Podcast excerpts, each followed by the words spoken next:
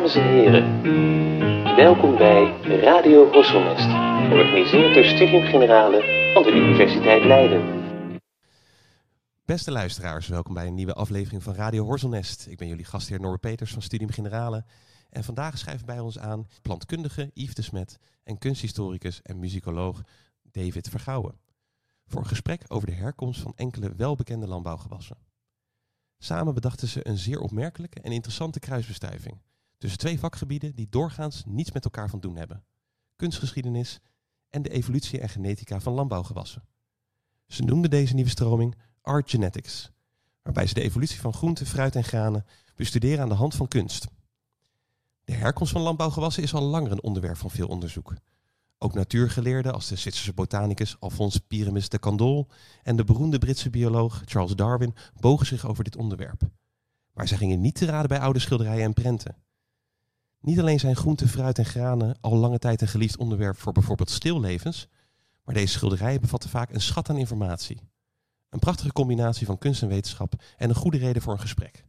David Vergouwen is als docent werkzaam aan de AP Hogeschool in Antwerpen, waartoe ook het Koninklijk Conservatorium en de Koninklijke Academie voor Schone Kunsten behoren. En hij is werkzaam bij het MADOC in Brussel. Ook verschenen van zijn hand verschillende boeken, waaronder Maconieke chansons in 19e eeuws België, verscheen in 2017, en Jozef Rieland, een culturele biografie van een romantisch componist in de Fin du siècle Brugge, verschenen in 2020. Yves de Smet is hoofddocent aan de Universiteit Gent en groepsleider bij het Vlaams Instituut voor Biotechnologie. Yves heeft een indrukwekkende lijst van artikelen en boekbijdragers op het gebied van plantengenetica en plantenfysiologie. We zijn zeer verheugd dat ze uit Vlaanderen naar Leiden wilden komen om bij ons aan te schrijven voor een gesprek. Heren, welkom. Dankjewel. Misschien moet ik beginnen bij het begin. Hoe kwamen jullie op het idee om kunstgeschiedenis en, en plantenkunde, genetica uh, te combineren? Wel, ik denk dat het begonnen is op onze reis naar Sint-Petersburg. Uh, om de zoveel tijd mogen we van ons vrouwen eens uh, met z'n tweeën op reis. En in plaats van in de cafés te zitten en in uh, douchebars uit te hangen, dan willen we wel eens naar een museum trekken. En zo heb ik de gewoonte om Yves ook altijd te betrekken bij museumbezoeken en dergelijke meer. En zo stonden we op een bepaald moment voor een zeer merkwaardig schilderij van Frans Snijders. En daar hebben we dan een dialoog over gevoerd over een toch wel zeer opmerkelijk stuk ja, botanica dat erop te zien was. Ja, ik denk, we, we kennen elkaar al, al meer dan 30 jaar als jeugdvrienden. En ik probeer ook David zijn kennis, zijn botanische kennis, altijd wel een beetje aan te scherpen. En dat was een unieke gelegenheid om dat effectief ook te, te gaan doen. Uh, zeker omdat daar een, een rare watermeloenachtige structuur uh, aanwezig was. En ik trok wel ergens in twijfel dat het een, een kwalitatieve afbeelding was. Ik dacht van, die schilder heeft daar gewoon een zekere hoeveelheid artistieke vrijheid genomen en heeft hier iets afgebeeld dat dat helemaal niet aan de werkelijkheid beantwoordt. Ja, dat, dat, is de moeilijkheid natuurlijk. Hè. Ik sta je voor een schilderij mij af te vragen, kijk, eh, denk je Yves dat dit is hoe een watermeloen er in de 17e eeuw uitzag? En zijn repliek was, ja, dat kan natuurlijk ook gewoon een slecht schilder geweest zijn. En, uh, Precies, dan, ja. Jawel, ja, dan moet je je natuurlijk realiseren dat Frans Snijders, ja, veel beter worden ze niet in de 17e eeuw wanneer het gaat om, uh, om stillevens en groenten en fruit en zo van die dingen. Dus uh, ik was er wel betrekkelijk zeker van dat als hij het zo schildert, dat hij het ook wel zo gezien zal hebben. En ja, dan moeten we natuurlijk eens gaan opzoeken van zijn er nog mensen die zich die vraag gesteld hebben. En toen bleek dat eigenlijk nog wel teleurstellend. Want ja, hoe, hoe staat het daar nu eigenlijk mee, Yves? Uh, weten wij inmiddels uh, hoe dat zit met die witte watermeloen op dat schilderij van Snijders? Nee, we zijn er eigenlijk nog helemaal niet uit, omdat het een, een vrij complex verhaal is. Je, je ziet aan de ene kant dat er een aantal watermeloenen werden afgebeeld door de eeuwen heen als wit-rozig met, met bepaalde patronen uh, aan de binnenkant. En dan bedoel je het vruchtvlees? Of het vruchtvlees, effectief het vruchtvlees. Uh, dus je ziet dat die wat wittig rozig uh, zijn van binnen. Uh, maar tegelijkertijd zie je op hetzelfde moment dat daar ook watermeloenen, doorgesneden watermeloenen, met een donkerrood vruchtvlees worden afgebeeld. Ah, ja. Dus het is geen ehm, lineair verhaal. Het is niet dat de ene overgaat in de andere en dat de ene plots populairder wordt dan de andere. Je ziet dat die twee zaken naast elkaar bestaan. En tegelijkertijd is er nu ook genetische informatie, en dat is eigenlijk wel een leuk recent verhaal van, van het, uh, labo van Suzanne Renner, waar ze eigenlijk gekeken hebben naar de genetische code van het blad van een watermeloen, die 3000 jaar geleden begraven geweest is met een Egyptische priester. Dat uh, stukje was bewaard gebleven in Kew Botanical Gardens. Men heeft daar het uh, groot deel van het genoom kunnen uit extraheren. En men heeft eigenlijk vastgesteld dat die watermeloen toen eigenlijk al rood van kleur was en vrij zoet van smaak. En toch krijg je dan uh, later, in, in 16e, 17e eeuw, uh, watermeloenen die op een andere manier worden afgebeeld. Dus om de een of andere reden zijn die twee zaken naast elkaar gaan bestaan. En je ziet, naast dat ene werk van Snijders, krijg je dan ook werken van, van, uh, van een aantal andere schilders, bijvoorbeeld Giovanni Stanchi, die, die op een gelijkaardige manier zaken begint af te beelden. Wel, om te antwoorden op jouw vraag, dat was dus eigenlijk goed al. Ja, dat is een goed begin, is. toch? Ja, inderdaad, die ja, want je ziet zo'n stil leven inderdaad. En je moet er dan inderdaad van uitgaan. Het is waarheidsgetrouw geschilderd. Nou, je zei al, Frans Snijders, dat was... Veel beter werd het niet in het gebied van stillevens. Dus we gaan er even naar uit dat hij goed heeft gekeken naar zijn onderzoeksmateriaal, wat hij heeft afgebeeld. En dan, en dan is dus dat witte vruchtvlees is, is zo vreemd. Zijn er nog andere vreemde kenmerken aan die watermeloen die niet overeenkomen met wat we, nou, laten we zeggen, tegenwoordig vinden in de supermarkt? Als je, als je eigenlijk gaat kijken naar de watermeloen aan de buitenkant, hè, waar je het ook net over had, dan, dan bij een watermeloen denk je onmiddellijk aan dat typische gestreepte patroon, waar ja. eigenlijk die, die donkere en die blekere banden elkaar gaan, gaan afwisselen. En, en dat is eigenlijk wel aan, aan, aanwezig op de meeste van die schilderijen. Dus je ziet eigenlijk door de eeuw, eeuwen heen dat dat gestreepte patroon een bijna vast gegeven is met, met een aantal kleine variaties op, op de breedte van, van die banden. Zelfs tot bij die oude Egyptenaren. Dus daar zijn ook muurschilderingen terug te vinden waar heel duidelijk dat, dat gestreepte patroon Ah, te herkennen ja, ja, is. Uh, de discussie die zich ook ontspon is, is dit nu effectief een volwassen, in normale omstandigheden gegroeide watermeloen? Je zou kunnen zeggen, van die watermeloen is bijvoorbeeld gegroeid in condities waar er te weinig uh, water aanwezig was, waar waar de omgeving te warm was. Uh, of dit is een onvolwassen uh, watermeloen die nog volop in dat rijpingsproces zit. Dus als je gaat kijken naar het rijpingsproces van zo'n watermeloen, dan, dan start die met een wit vruchtvlees. Dan ga je eigenlijk die witte zaadjes zien verschijnen. En naarmate die rijping vordert, evolueert dat naar iets dat wat roziger is, omdat dat lycopeen, die rode kleurstof, begint zich op te stapelen, tot het uiteindelijk die donkerrode kleur bereikt. En op het moment dat het die donkerrode kleur bereikt, worden de zaden ook zwart. Dus dan heb je eigenlijk een, een volgroeide watermeloen die in normale, gezonde omstandigheden uh, tot zijn volwassenheid is gekomen. Als je gaat kijken naar die, die afbeeldingen, en dat was in ook de discussie van dit is misschien een onvolwassen watermeloen, Ja. dan wordt die afgebeeld met die donkere zwarte zaden. Dus dan kan je eigenlijk wel gaan stellen Ah. van dit is een, een relatief normale watermeloen. Dit is geen gestresseerde watermeloen. Dit is geen rare afwijking door dat volledige groeiproces. Dus daar is het ook wel belangrijk om die, uh, ja, die botanische kenmerken mee in rekening te gaan, te gaan nemen. Ook, ook is de plaatsing van die zaadjes toch af en toe wat vreemd als je dat vergelijkt met hoe ze er tegenwoordig in zitten in zo'n watermeloen. Ja, je krijgt er van, van die, die rare kronkels uh, in, in, uh, eigenlijk in dat vruchtvlees. En je ziet dat die op een iets wat ongewone manier gepositioneerd zijn. Uh, dat kan ook voor een deel gekoppeld zijn aan het groeien in, in stresserende omstandigheden. Maar terug, door het feit dat die, die zaden hun, donkerrode, hun donkere zwarte kleur bereiken Ja. binnen dat donkerrode vruchtvlees, wijst erop dat daar eigenlijk niks, niks fout gelopen is. Ja, of bij de, dat, dat, dat witte vruchtvlees bedoel je dan? Dat is dus de zwarte zaad in dat witte In dat vruchtvlees? wit- ja, ja, ja, ja, ja, ja. ja. dus het is duidelijk dat niet een juveniele Nee. die nog in de groei is, maar het lijkt inderdaad echt, echt een variëteit te zijn met wit vruchtvlees. Ja, ja, ja. Vinden we die nu nog? Is er, zijn er watermeloenen met andere kleurige vruchtvlees? Ik, Weet ik, weet het eigenlijk niet, als die nog, nog eh, ergens Ik ken ook alleen maar de, de aanwezig is. Je ziet voornamelijk die donker, maar je ziet dat met een heel aantal eh, soorten. Dat er een aantal zaken zijn die er altijd wel waren, die op een bepaald moment dominant worden en dan verdwijnen die andere zaken een beetje in de marge. Eh, een vergelijkbaar verhaal zijn die vergeten groenten van, van een aantal decennia geleden. Die, die waren er altijd en dan plots winnen die weer eh, wat aan populariteit. Ja, hè? ja, ja, ja. Krijg je in één keer weer aardberen of iets dergelijks. En misschien de eerste groente waarmee ik wil, beginnen is een groente die ook wel een beetje karakteristiek is voor, voor Leiden. Als wij 3 oktober vieren, eh, het einde van het beleg van Leiden, de bevrijding van Leiden, dan wordt er altijd gevierd dat je hutspot krijgt met, met klapstuk. Want er was namelijk een, een jongen, ik moest zijn naam even opzoeken, Cornelis Joppenzoon. Die had op het verlaten Spaanse kampement bij de Lammeschans een grote pot hutspot ontdekt en die meegenomen naar Leiden, waar natuurlijk iedereen, eh, waar een enorme hongersnood was vanwege dat beleg. En dat wordt geserveerd met oranje wortel en aardappel. Eh, had in die pot uit 1574, had daar ook een oranje wortel in, in, in kunnen zitten, in die hutspot? Ik denk het wel, omdat ehm, halverwege de 16e eeuw zien we in Antwerpen de eerste eh, marktscènes ontstaan, die daar geschilderd worden door ehm, figuren zoals uh, Aartsen of Beukelaar, uh, later Sijve. Je hebt een aantal kunstenaars die daar in het Antwerpse gigantisch grote marktaferelen maken. En er zitten er ook aantal, een, een, aantal van die exemplaren in Nederlandse collecties, in, in Boymans van Beuningen in, in, Rotterdam bijvoorbeeld. Dus daar heb je heel mooie afbeeldingen uit het midden van de 16e eeuw van een daadwerkelijk heel mooie, duidelijk oranje wortel. Dus die bestond zeer zeker. De mate waarin die uh, tot in Leiden en dergelijke meer uh, werd, uh, werd gegeten, dat weten we eigenlijk niet zo heel erg. Want um, de oranje wortel duikt eigenlijk vooral op in de late 16e eeuw in de Nederlanden. 17e eeuw, dan zie je die vrij courant worden. En zelfs in de loop van de 19e eeuw verdrinkt die alle andere kleuren op die schilderijen.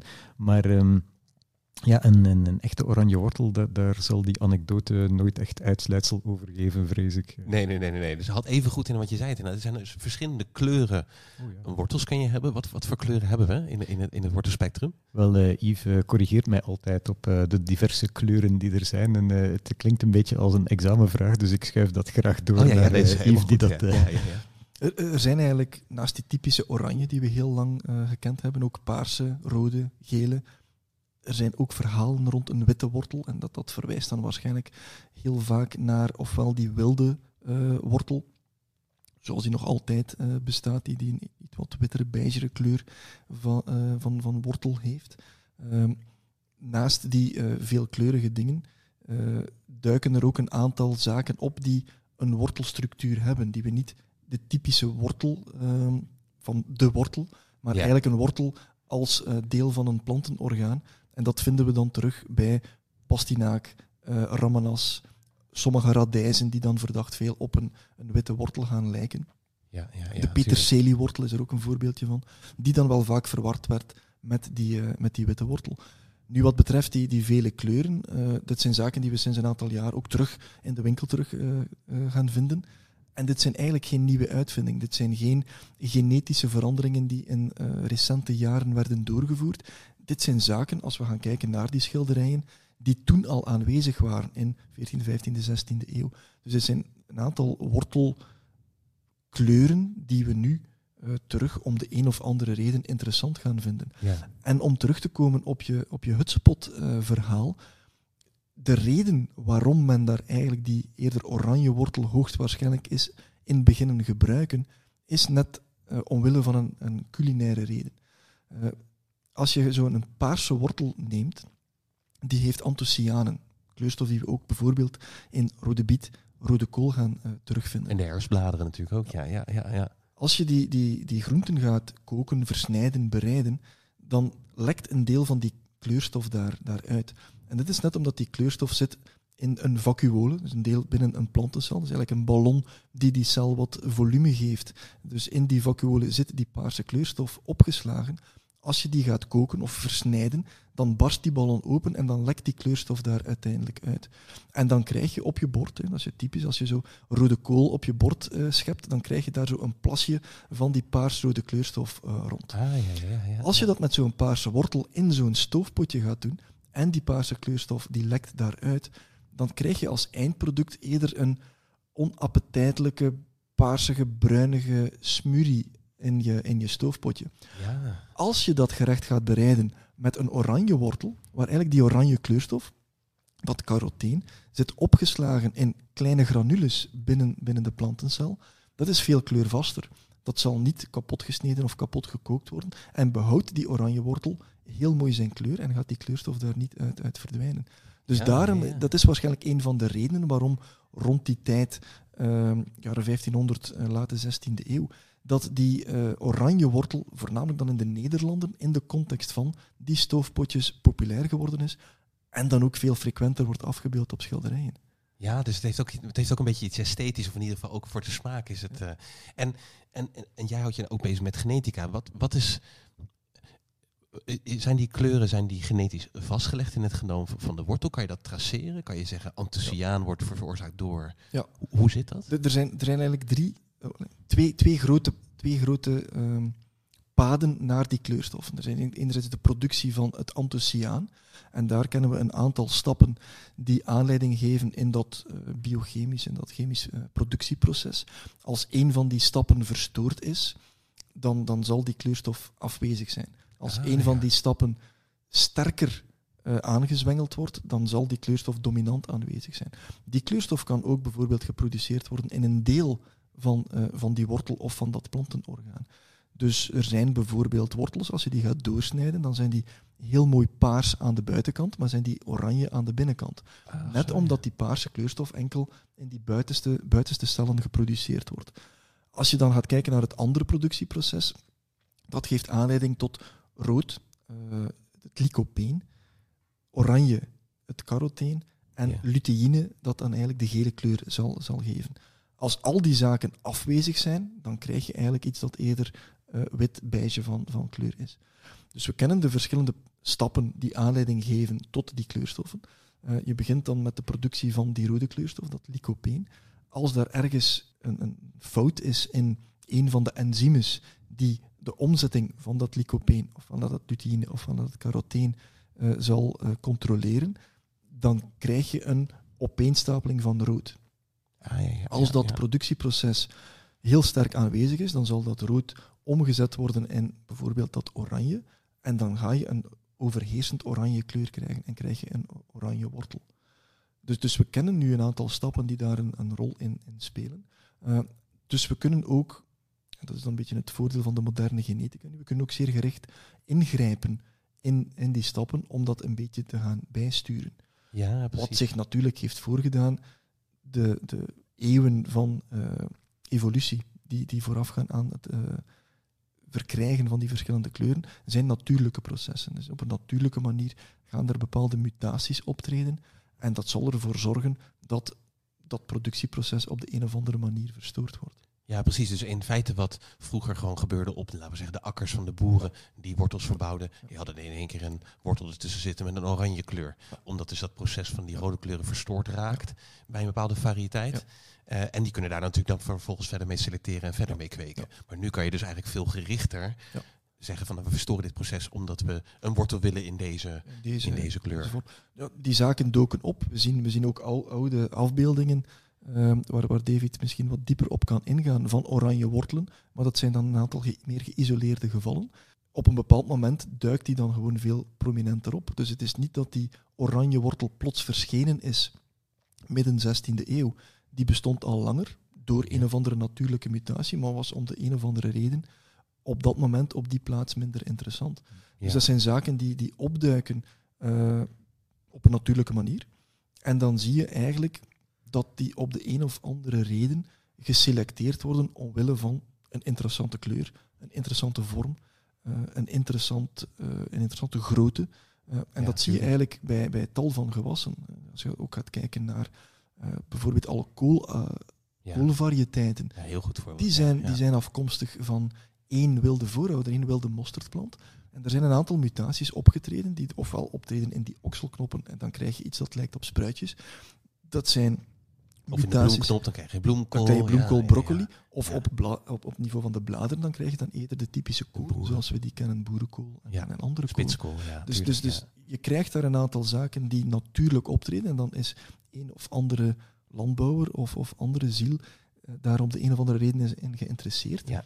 En dan zal dat verder eh, verankerd worden in wat er geproduceerd wordt en wat er gegeten wordt. En dan zie je eigenlijk dat zaken die populair worden, vaker op die schilderijen worden, worden afgebeeld. David wel een aantal voorbeelden kan geven van Ja. oranje wortelen eh, voorheen de jaren eh 15, Want ik ben wel 1600. benieuwd in, want er is ook een mythe waar ik ook een keer in ben gestonken. Namelijk dat eh, eh, er zelfs iets vaderland zou zijn aan de wortel. Dat de oranje kleur ook verbonden zou zijn aan, eh, aan de oranjes. Die natuurlijk ook op dat moment, nou ja, laten we zeggen, rond die tijd van, de, van het Leidse beleg ook, eh, ook flink aan het knokken is tegen de Spanjaarden. Is daar iets van waar? Eigenlijk, helemaal niet, maar ehm, het is wel een zeer complex verhaal en het is niet moeilijk om te zien waarom mensen dat denken of gedacht hebben, althans. Ehm, het is zo dat ehm, een van de zaken als, eh, als je een historicus vraagt om naar deze hele problematiek over die gekleurde wortels te gaan kijken, dan gaat hij natuurlijk op zoek naar geschreven bronnen van oké, heeft men in het verleden dan ooit een keer zo een oranje wortel beschreven en hoe was die dan anders dan bijvoorbeeld de gele wortel of wat dan ook. Maar een van de problemen is puur linguïstisch, is puur taalkundig. Ehm, bijvoorbeeld zelfs in het Nederlands, voor de 15e eeuw is er geen woord voor oranje. Dus die kleur heeft ongetwijfeld bestaan, maar er is geen woord om het mee te benoemen.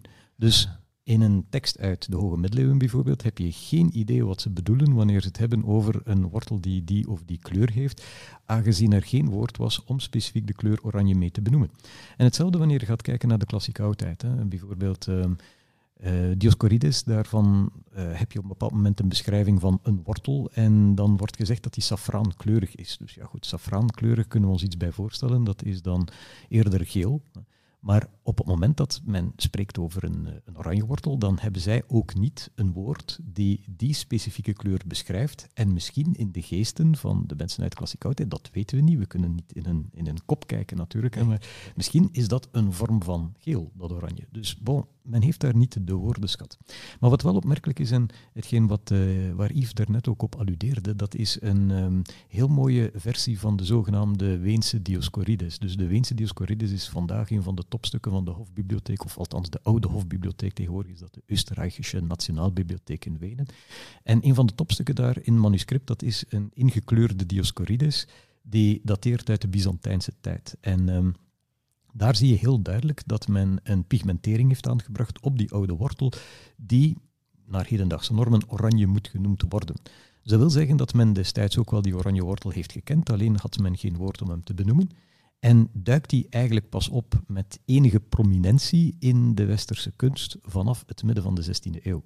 Dus het midden van de 16e eeuw was er een oranje wortel, maar die heeft dan weer niks, om terug te komen op jouw vraag, niks te maken met het Huis van Oranje. Hoewel moet gezegd worden dat het Huis van Oranje wel de naam gegeven heeft aan de huidige kleur oranje. Ja, ja, ja, ja. Maar je hebt dan wel de zogenaamde appeltjes van oranje, dus de sinaasappelen, die wel in associatie zijn en in iconografie vaak gebruikt worden rond het Huis van Oranje.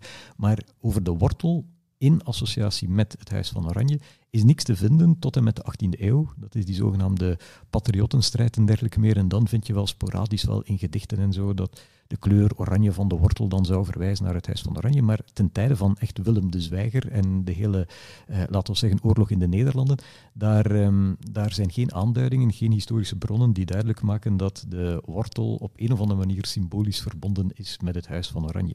En ik denk dat het misschien ook wel ergens terug te brengen is tot uh, de context van na de Tweede Wereldoorlog. Omdat na de Tweede Wereldoorlog is er onder meer die uh, Friese agronoom uh, Otto Banga, die onder meer de wortel zal gaan beschrijven in Nederland, was eigenlijk wel een, een, een knappe kerel. Maar een van de zaken waar hij wel wat op hamert, dat is um, ja, hoe geweldig goed de Nederlandse tuinbouw was uh, ah, aan het begin van de 17e eeuw. Niet dat ik wil zeggen dat ze niet goed was, in tegendeel, was een voorbeeld voor de rest van Europa. Maar je krijgt zo in zijn discours ook wel enigszins wat een, een nationalistische ondertoon, wat niet onlogisch is, aangezien die man schrijft in de jaren 50 en, en net uit de Tweede Wereldoorlog ja. komt, dan kan ik mij voorstellen dat enige nationale trots hem niet vreemd was.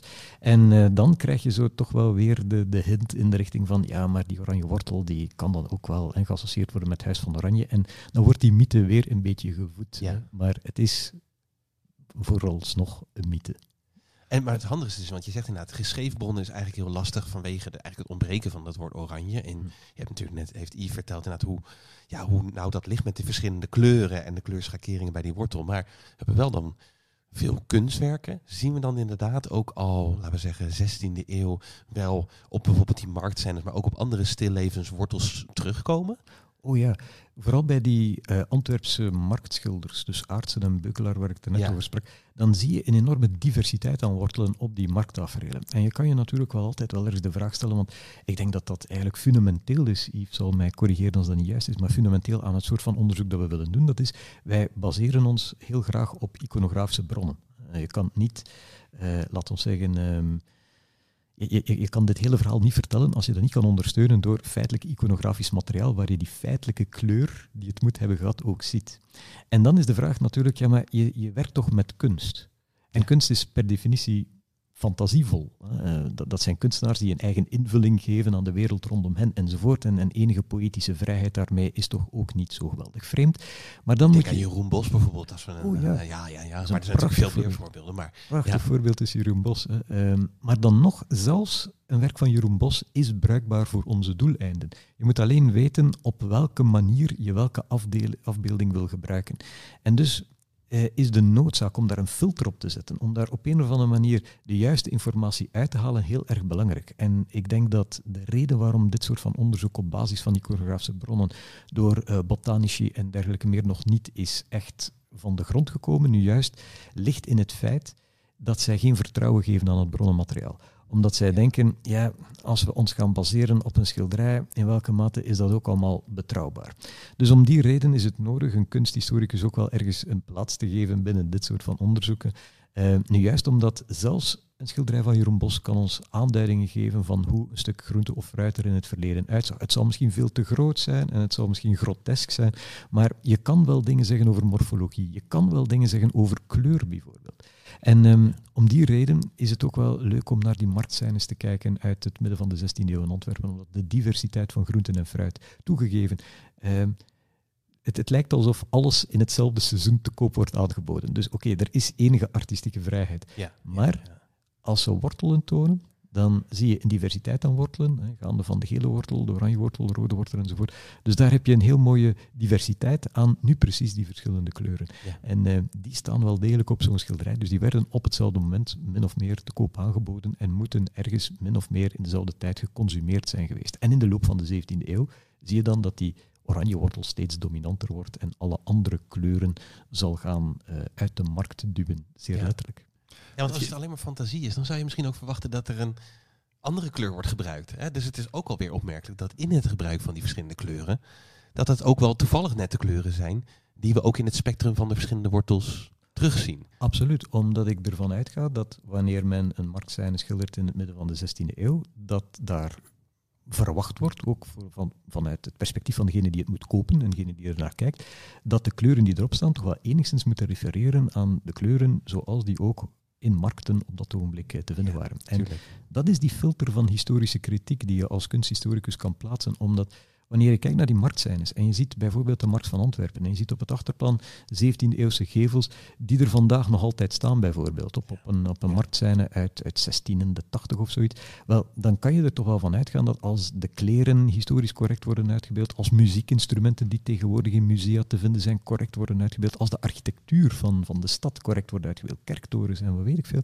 dan kan je er toch wel van uitgaan dat ze voor ja, bederfbare producten zoals groenten en fruit dan toch niet de uitzondering zullen gemaakt hebben en dan compleet losgegaan zijn en, en een fantasie zullen gebruikt hebben. Precies. Ja, ook daar zullen zij zeer natuurgetrouw, althans naar de observatie geschilderd hebben. Ja. Het is natuurlijk ook een kwestie van frequentie. Hè? Dus hoe vaak wordt iets op een bepaald moment door verschillende mensen op verschillende locaties afgebeeld. Als dat één geïsoleerd geval is, dan kan het inderdaad wel zijn dat dat een beetje artistieke vrijheid was. Ja. Als er meerdere schilders zijn die op verschillende plekken, verschillende, verschillende jaren iets gelijkaardig gaan afbeelden, dan kan je er ergens wel van op aan dat dat op dat moment zo zal bestaan hebben.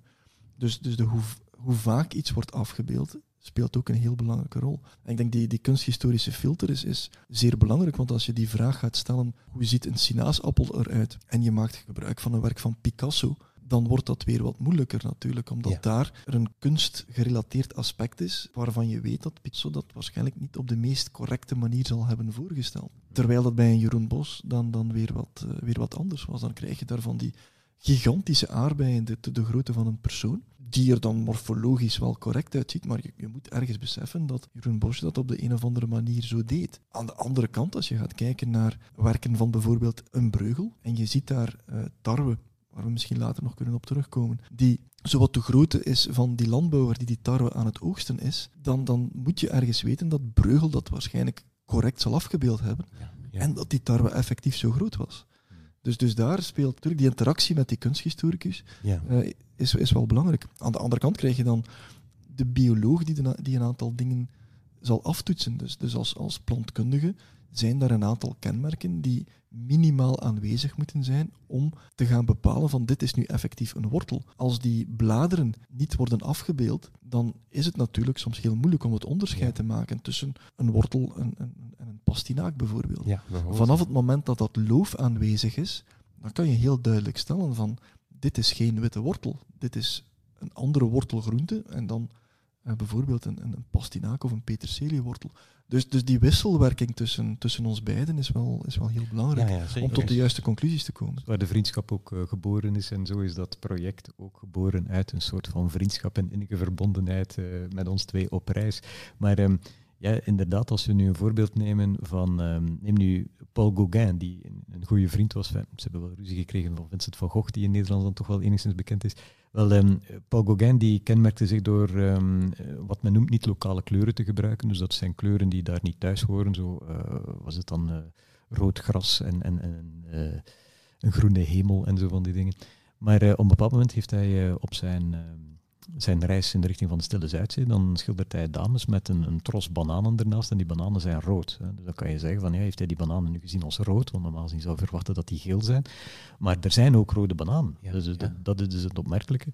Ehm, die, die kan je trouwens vandaag nog altijd in India gaan zien. Nu, India is, is een land dat ontzettend veel bananen verbouwt en ook die rode bananen, maar dat is 100% voor binnenlandse markt. Dus wij krijgen die niet te zien, die bananen. Nee, nee, Wij krijgen de Cavendish sinds een, wat is het, 50 jaar of zoiets, hè, dat, dat wij die Cavendish eten. Dus wij, wij kennen die gele banaan. En dan zien we dat op een schilderij van Gauguin. En dan zou, kan ik mij voorstellen dat iemand zich afvraagt van, bon, eh, heeft Gauguin een rode banaan gezien? Of is dat nu artistieke vrijheid die hij neemt? Wel, op dat moment kan je zeggen, Gauguin gebruikt hier geen artistieke vrijheid, gebruikt artistieke vrijheid op andere plaatsen. Maar dit is nu iets wat hij daadwerkelijk kon hebben gezien. En dat leert ons dingen. Ja, dat leert ons zeker dingen. En is het dan ook zo kunsthistorisch, dus je zegt ook, kijk naar iconografie. Is dat dan wel beperkt, kan ik me voorstellen, misschien tot inderdaad stillevens, marktscènes? Of kijken jullie ook bijvoorbeeld naar eh, ornamenten, eh, festoenen? Je hebt natuurlijk heel veel cartouches en al dat soort zaken die opsmuk krijgen in allerlei bladeren en vruchten die worden gebruikt ter versiering. Vinden we daar ook nog wat inf- interessante informatie in? Of is dat... Oh ja, absoluut. Ehm, als je kijkt naar eh, middeleeuwse kunst, dan eh, eigenlijk de, de meest fijne zaken kan je soms vinden in verluchte manuscripten. Dus waar, Ja. ehm, waar heel mooie eh, ja, vegetatieve motieven gebruikt worden ter decoratie. En dan kan je daar inderdaad soms aardbeien in aantreffen of om het even wat. Ehm, ik geloof zelfs in de Carolus Borromeuskerk in Antwerpen dat we op een bepaald moment een stuk decoratie gezien hebben in marmer eh, gemaakt eh, waar mais in zat. Hè, wat dus eh 17e eeuwse mais is. Hè. Ja, Dus op dat vlak ehm, is er zowel in architectuur, in decoratieve kunsten, houtsnijwerk van preekstoelen en dergelijke meer, kan je altijd wel ergens iets aantreffen waarvan je denkt van, tja, toen moeten ze het al gekend hebben. Ehm, er is het prachtige voorbeeld uit de 16e eeuw van eh, een van de poorten op eh, het baptisterium van Pisa. U weet wel, dus naast de, de scheve toren heb je het Mhm. baptisterium. Daar is een, een gigantisch grote bronzen deur. En op die bronzen deur dan krijg je ehm, decoratieve eh, patronen. En die lijken op zo'n gelopte soort van cœur de boeuf-achtige tomaat. En eh, dan ja. kan je zeggen, oké, dat is een, een midden 16e eeuw is dat hier gemaakt. En midden 16e eeuw was er dus blijkbaar eh, kennis over de tomaat in het Toscane van die tijd. Dus dat leert ons daadwerkelijk zaken. Niet alleen olie op doek, maar eigenlijk bijna elk cultuurproduct dat enigszins probeert om de wereld rondom ons gestalte te geven, wekt onze interesse in ieder groenten en fruit op te zien. Ja. En dan misschien een, een, een stuk groente wat, wat wellicht wat minder eh, verleiding geeft om het ook af te beelden, is de, de aardappel. Ik dacht van misschien ook aardig om stil te staan bij de, de herkomst van, van, de, van de aardappel. Ik kan me voorstellen dat die misschien in de kunsthistorische traditie niet heel veel wordt afgebeeld. Maar dat zeg ik nu eigenlijk zonder dat ik daar verstand van heb. Wel, eerlijk gezegd is het eh, heel interessant om te gaan kijken hoe die aardappel wordt uitgebeeld in de Zuid-Amerikaanse. eh, omdat uiteindelijk komt die daar vandaan. Hè? Dus eh, de Ja. domesticatie daarvan is rond het Titicaca-meer. En ehm, daar heb je wel een aantal beschavingen die daar groot geworden zijn. De Incas natuurlijk, die, Ja. gebruikten de aardappel. Maar die importeerden ook granen uit Mexico. Dus die hadden voor wat betreft een voedselgarantie een heel knap systeem. Ook qua arbeidsverdeling hadden zij een zeer knap eigenlijk een beetje eh, van overheidswegen opgelegd arbeidssysteem, eh, de, de MITA, wat dan later de Spanjaarden de, de, de repartimiento wordt genoemd. En ehm, ook die voedselbedeling werd op die manier gegarandeerd.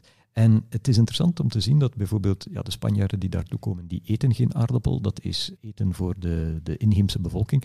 En wanneer ehm, dan uiteindelijk die inheemse bevolking nog steeds eh, wordt ingezet om de, de zilvermijnen van Potosí enzovoort te gaan bemannen en daar edele metalen naar boven te halen, dan worden die gevoed nog altijd door datzelfde systeem van MITA. Dus die aardappel blijft aangeleverd worden. Ja. Alleen die hogere klasse van Spanjaarden, die trekt zich van die aardappel niks aan.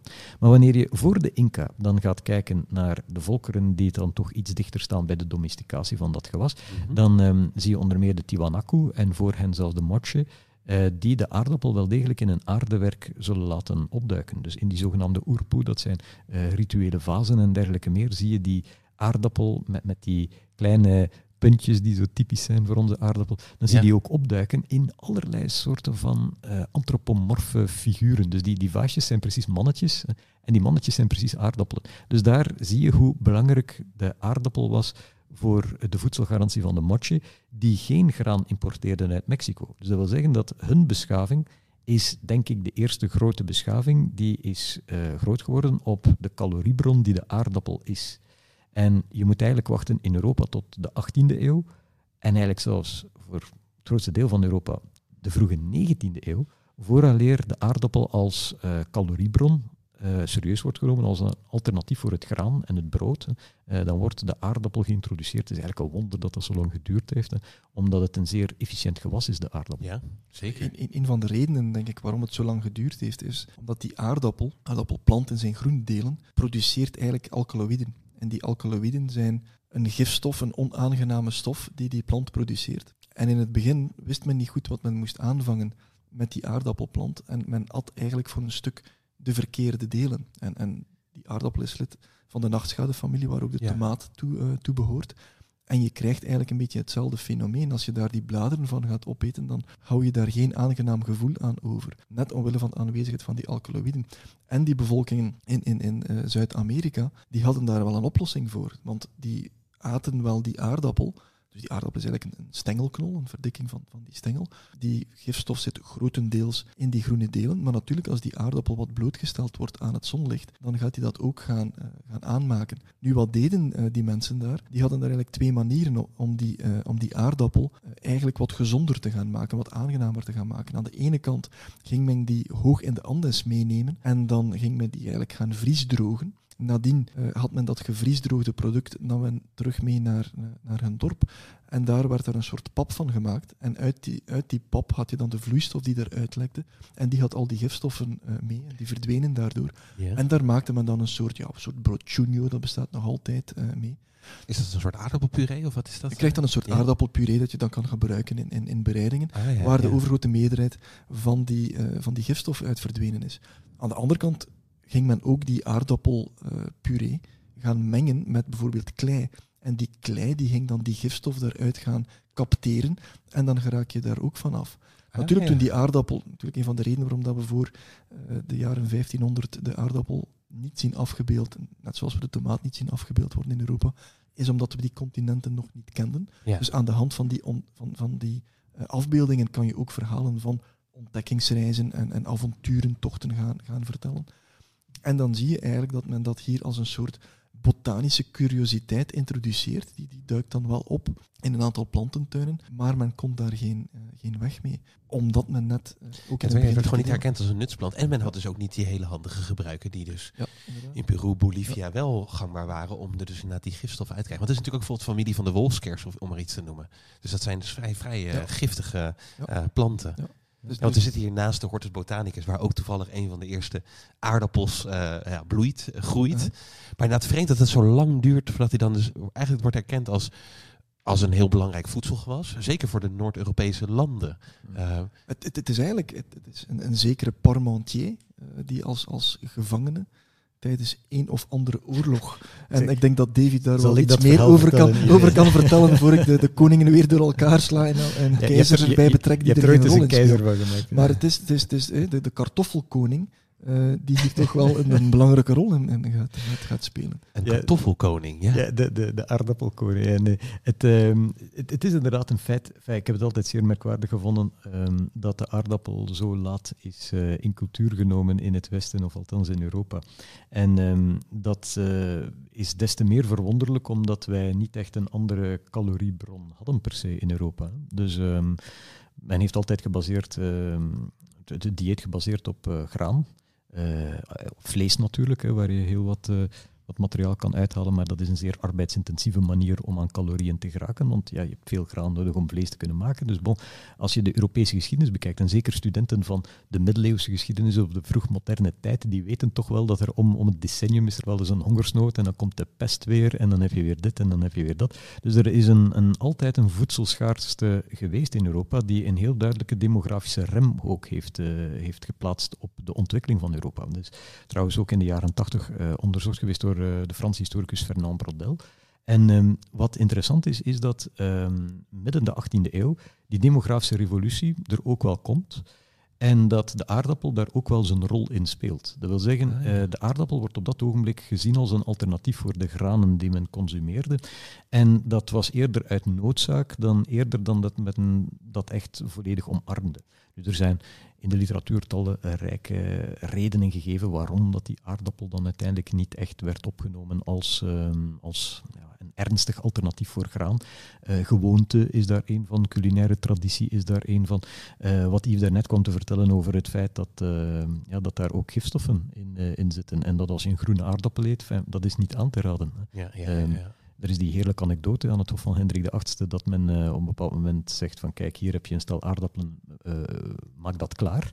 En de kok maakt een salade van, van het groen. Hè. Dus uh, wist niet goed wat hij moest doen met die knollen. Ah, ja, ja, dus dan, bon, dan heeft iedereen buikpijn natuurlijk. En, en dan duurt het nog, nog weer een, een generatie vooraleer je nog een keer de aardappel begint. Maar uh, ook de signatuurleer. Zo, het, het feit dat men vond dat de aardappel ook gewoon lelijk was. En de signatuurleer was zo een, een manier van denken dat de, de voedingsstof die je consumeert op een of andere manier goed is of schadelijk is voor datgene waar het op lijkt. Hè. Bijvoorbeeld als je uh, heel slim wil worden en je eet walnoten, een walnoot, ja, ja, dat lijkt een beetje op uh, enzovoort. En dan heb je natuurlijk allerlei... Of vroeger hoorde je rood fruit was goed voor je bloed. Bijvoorbeeld, dat soort, dat soort van dingen. En, en alle fallische dingen, die zijn goed daarvoor. Ah, hè? Dus uh, de aardappel zag er een beetje leproos uit. Hè? Dus die zag er ziek uit, langs alle kanten misvormd enzovoort. Dus ja, dan vreesde men van, ja, zo gezond zal het nu ook wel weer niet zijn.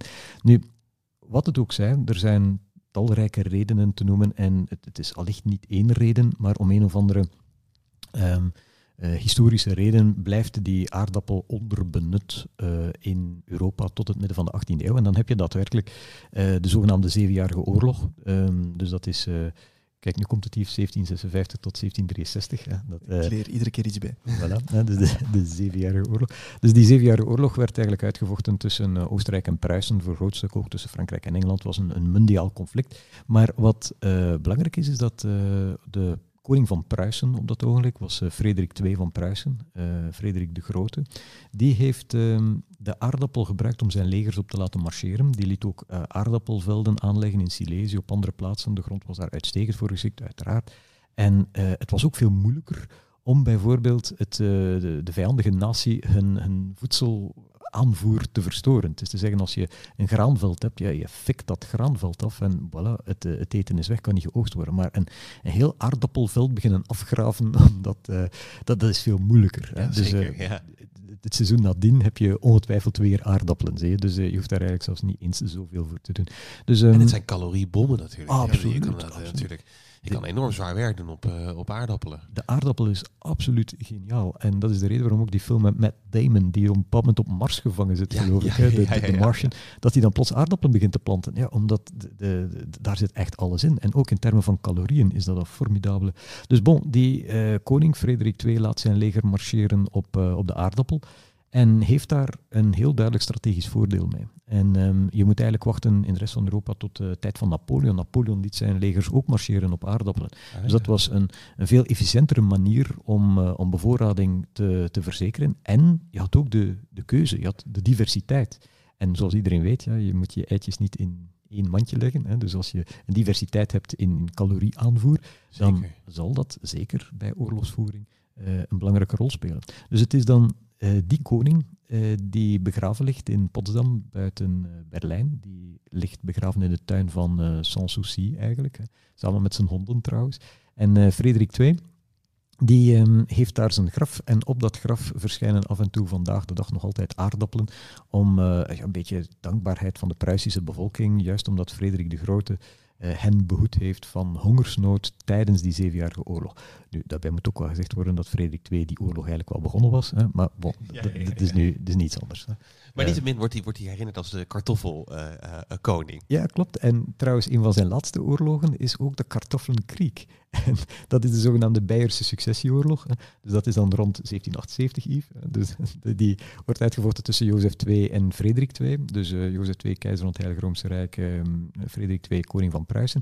En eigenlijk wordt daar niet echt veel schoten gelost in die oorlog. Ehm, die wordt uiteindelijk wel wat in de minne geregeld. En het enige wat men doet is een beetje manoeuvreren en elkaars aardappelvelden afgraven. Hè. Dus dat, dat is wat, wat ze doen tijdens die zogenaamde kartoffelkrieg. Dat was eigenlijk een, eh, een, een, een conflict en veel gemanoeuvreer om dan uiteindelijk een, een, diplomatieke oplossing te forceren. Dus dat is die Ah, ja. kartoffelkrieg. Ja, ja, ja. En je zei het al inderdaad even, die komst van de, de acceptatie van de aardappel zorgt ook eigenlijk dat de demografische grenzen die altijd lag in Europa, dat die eigenlijk nou ja, losser wordt. Ook eh, Noord-Europese landen waarbij de grond doorgaans niet goed was voor graan of andere, daar kon men toch aardappelen verbouwen. Je ziet dus dan ook, ook een enorme demo- demografische groei. Maar dan komt er eigenlijk ook iets gevaarlijks bij kijken, eh, bij die demografische groei. Dat klopt. Ja, ja, als je aan de ene kant heel sterk afhankelijk wordt van, van één product, één, één energiebron, één zetmeelbron, vanaf het moment dat daar een oogst mislukt, en herhaaldelijk een oogst mislukt, dan, dan creëer je heel snel al hongersnood. En dan heb je daar de grote Ierse hongersnood die daar, eh, die daar plaatsvindt. Net omdat die mensen heel sterk afhankelijk waren van die aardappel en niet langer de bevolking konden voeden op het moment dat die er niet meer was. Ja. En je ziet eigenlijk ook, eh, historisch gezien, en, en, en zeker een Russische wetenschapper, Vavilov, heeft daar ook onderzoek naar gedaan, dat je eigenlijk een aantal grote gebieden krijgt wereldwijd waar de groeiomstandigheden en de biodiversiteit ideaal zijn om vanuit een aantal wilde voorouders nieuwe gewassen te gaan domesticeren. En dan krijg je eigenlijk dat men in bijvoorbeeld eh, Zuid-Centraal-Amerika, dat men daar mais gaat ontwikkelen als graangewas. Dat in het Midden-Oosten, eh, de- de gouden sikkel, dat men daar typische graan, tarwevariëteiten gaat ontwikkelen. En in Azië dan rijst. En vanaf het moment dat je die calorierijke energiebronnen hebt, dan zie je dat het inderdaad ook gepaard gaat met eh bevolkingstoename, met een verbetering van eh, groei van je, van uw beschaving. Maar vanaf het moment dat die zaken dan, dan fout gaan lopen, dan stel je eigenlijk vast dat men die afhankelijkheid, dat dat ook een zeer, zeer groot risico met zich eh, Ja, brengt. da- daar wil ik toch wel even op nuanceren, omdat da- daar, de manier waarop historici daar naar kijken, dat is, het is niet zo dat men zegt van, ah, we hebben nu meer eten, kijk, de aardappelen is hier, dus er is een grotere bevolkingsaanwas. Zeker. Zo werkt het niet. Het is, eerst heb je meer volk en dan ga je op zoek naar meer eten. Dus het is eigenlijk een soort van noodzaak. Het is niet van, ah, tof, we hebben veel eten, nu kunnen we twintig kinderen per gezin hebben. Nee, nee, men heeft twintig kinderen per gezin en dan gaat men op zoek naar hoe gaan we die allemaal eten. Ja, geven. ja, ja. dus. Dat, dat is de manier waarop men daar naar zoekt. Ik span het paard achter de wagen. Ja, ja, ja, precies. zeker, en, en het is eh, gevaarlijk om het andersom te bekijken, omdat je dan een aantal zaken niet begrijpt. En een van de, de, de, de zaken van de Ierse hongersnood is nu juist, er was geen land in Europa dat meer afhankelijk was van de aardappel dan Ierland. Ja, Dus ja. alle andere landen, inclusief Groot-Brittannië, inclusief alle landen op het continent, die hadden die diversiteit tussen aan de ene kant, ja, men heeft het vlees, maar dat is eh, inefficiënt. Men heeft de granen, dus de, de broden en dergelijke meer. En dan heeft men die aardappel in de loop van de 19e eeuw. Maar in Ierland was het graan eigenlijk duur. Ehm, graan was eigenlijk voor grootste ook voor export bestemd. En wat overbleef voor de lokale bevolking om het te consumeren was de aardappel. Dus de aardappel, men was eigenlijk voor het grootste deel, ik denk dat ongeveer driekwart van de bevolking echt afhankelijk was van, eh, van die aardappel. En op het moment dat die aardappel wegvalt, maar niet zo in de loop der jaren, nee, nee, plots door die Phytophthora, eh, door, eh, door, door de schimmelziekte, wanneer die hele oogst verloren is en er geen uitzicht is op hoe zal het volgend jaar zijn en het jaar daarop, ja, dan plots heb je een zeer acute crisis, omdat bij wijze van spreken van vandaag op morgen heeft men geen eten. En dus dan eh, de manier waarop die Ierse hongercrisis is aangepakt geworden, ehm, heeft eh, wel- wel wat controversie geweest. Nu, de toenmalige eerste minister van Groot-Brittannië heeft daar wel min of meer zijn best voor proberen te doen, maar was ook gehinderd in de zogenaamde corn laws, de graanwetten. Hij kon dan niet exporteren, omdat en dat had allerlei juridische problemen. Maar het punt dat ik wil maken is dat Ierland, als je daar nu echt over nadenkt, nog altijd vandaag, nu, anno 2000, wat zijn we straks, 23, niet hersteld is van die aardappelcrisis uit de jaren 1840. Wanneer je kijkt naar de bevolking, eh, ik geloof dat ze iets met een 8 à 9 miljoen waren op het moment uh, jaren 1840. De Ierse bevolking is nog altijd niet op dat niveau. Ah, dus um, men, je ziet dat immigratie natuurlijk een, in de richting van de Verenigde Staten zeer zeker migratie een heel belangrijke rol speelt. Maar eigenlijk de bevolkingsaanwas is in de loop van de voorbije 150, uh, 170 jaar niet van die aard geweest dat het demografisch peil van Ierland terug op het niveau is van 1830, 1840. Dus daaraan zie je hoe, wat voor een, een ongelooflijke ramp dat moet geweest zijn van vandaag op morgen. Om de grote volksverhuizing die daar oh, naar de Verenigde Staten natuurlijk ook het gevolg van was. Absoluut. En, en misschien ook wel belangrijk daarin te noemen, en dan kijk ik ook meer naar jou Yves, hoe, hoe, belangrijk is het feit dat, die, dat hier sprake is van een monocultuur met betrekking tot die aardappel? Want in Peru hadden ze volgens mij een grote variëteit aan aardappelen. Hoe komt het dan dat we er hier maar één gaan verbouwen? We hebben er ergens voor gekozen om, om één bepaalde variëteit bij ons te introduceren, die een aantal voedzame, interessante kenmerken had. En je ziet dat nog altijd tot op zekere hoogte. Er wordt heel veel onderzoek gedaan naar naar die waterschimmel, uh, die Phytophthora bijvoorbeeld, uh, om ervoor te zorgen dat onze aardappelen, en we hebben nu wel wat, wat meer diversiteit, daar uh, resistent tegen zijn, maar we zijn nog altijd niet op het niveau dat we dat genetisch kunnen doen. Niet tegenstaan dat er best wel wat genetische informatie vervat zit in die variëteiten in, in Zuid-Amerika, om daar uh, tolerant tegen, tegen te zijn. Maar het is natuurlijk omdat we bepaalde variëteiten hebben die interessant zijn omwille van het feit dat ze ideaal geschikt zijn om frietjes te maken. Precies. Uh, ja. Ideaal geschikt zijn om een vastkokende aardappel te zijn. Of ideaal geschikt zijn om, om puree van te gaan maken. Dus we, we zijn vrij beperkt natuurlijk in, in, in waar we in geïnteresseerd zijn.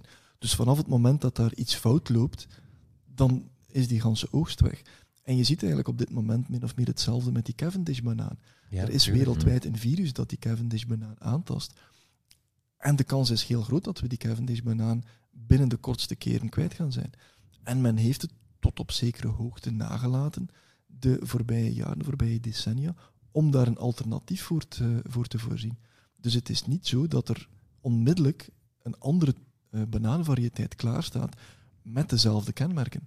Nee. Dus, dus Want dit was al een vervanger, toch? De, de, de, banaan die bij Lord Cavendish in de kwekerij wordt aangetroffen, is, absoluut, een, is de vervanger van de Gros Michel. Uh, en, en, en, dan krijg je ja. dat, dat zijn ook zaken die klonaal vermenigvuldigd worden. Dus er is daar ook geen genetische diversiteit meer aanwezig binnen die banaan, die toelaat om een bepaalde tolerantie te gaan opbouwen of te gaan selecteren voor variëteiten die tolerant zijn. Omdat die genetische diversiteit is eigenlijk afkomstig vanuit die ene kloon en, en men gaat dat vegetatief gaan propageren. Want en dan met, met, met aardappelen is dat natuurlijk ook... Uh, het, ga je op een gelijkaardige manier te werk. Je houdt, houdt altijd je boot, je plantgoed over en dan ga je daar het jaar erop een nieuwe aardappelstruik mee, mee gaan krijgen. Ja, je snijdt zo'n zo'n oogje uit bijvoorbeeld en die kan je dan planten en dan krijg je weer... En dan krijg je een kloon en dat is ook belangrijk omdat je dan exact dezelfde kenmerken hebt.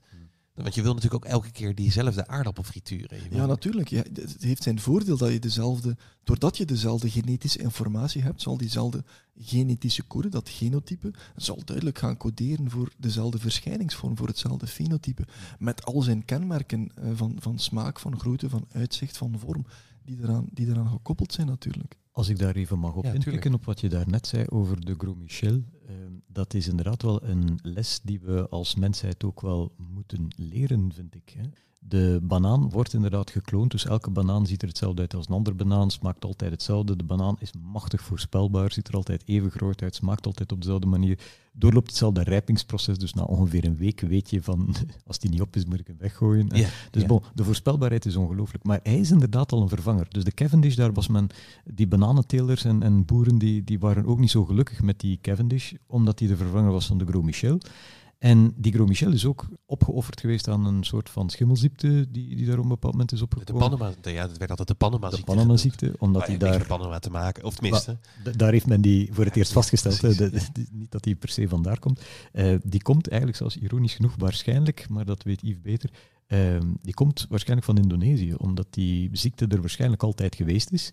Maar op het moment dat die vrucht wordt meegenomen naar elders, dan gaat die ziekte niet in eerste plaats mee. Maar natuurlijk, uh, naarmate die economie mondialer wordt, dan kan het niet anders dan dat die ziekte daar opnieuw uh, toeslaat. Dus dat is dan de zogenaamde Panama-ziekte. Die is vastgesteld, als ik me niet vergis, voor het eerst die signalen gekregen uh, rond de jaren 1890, althans fin de siècle.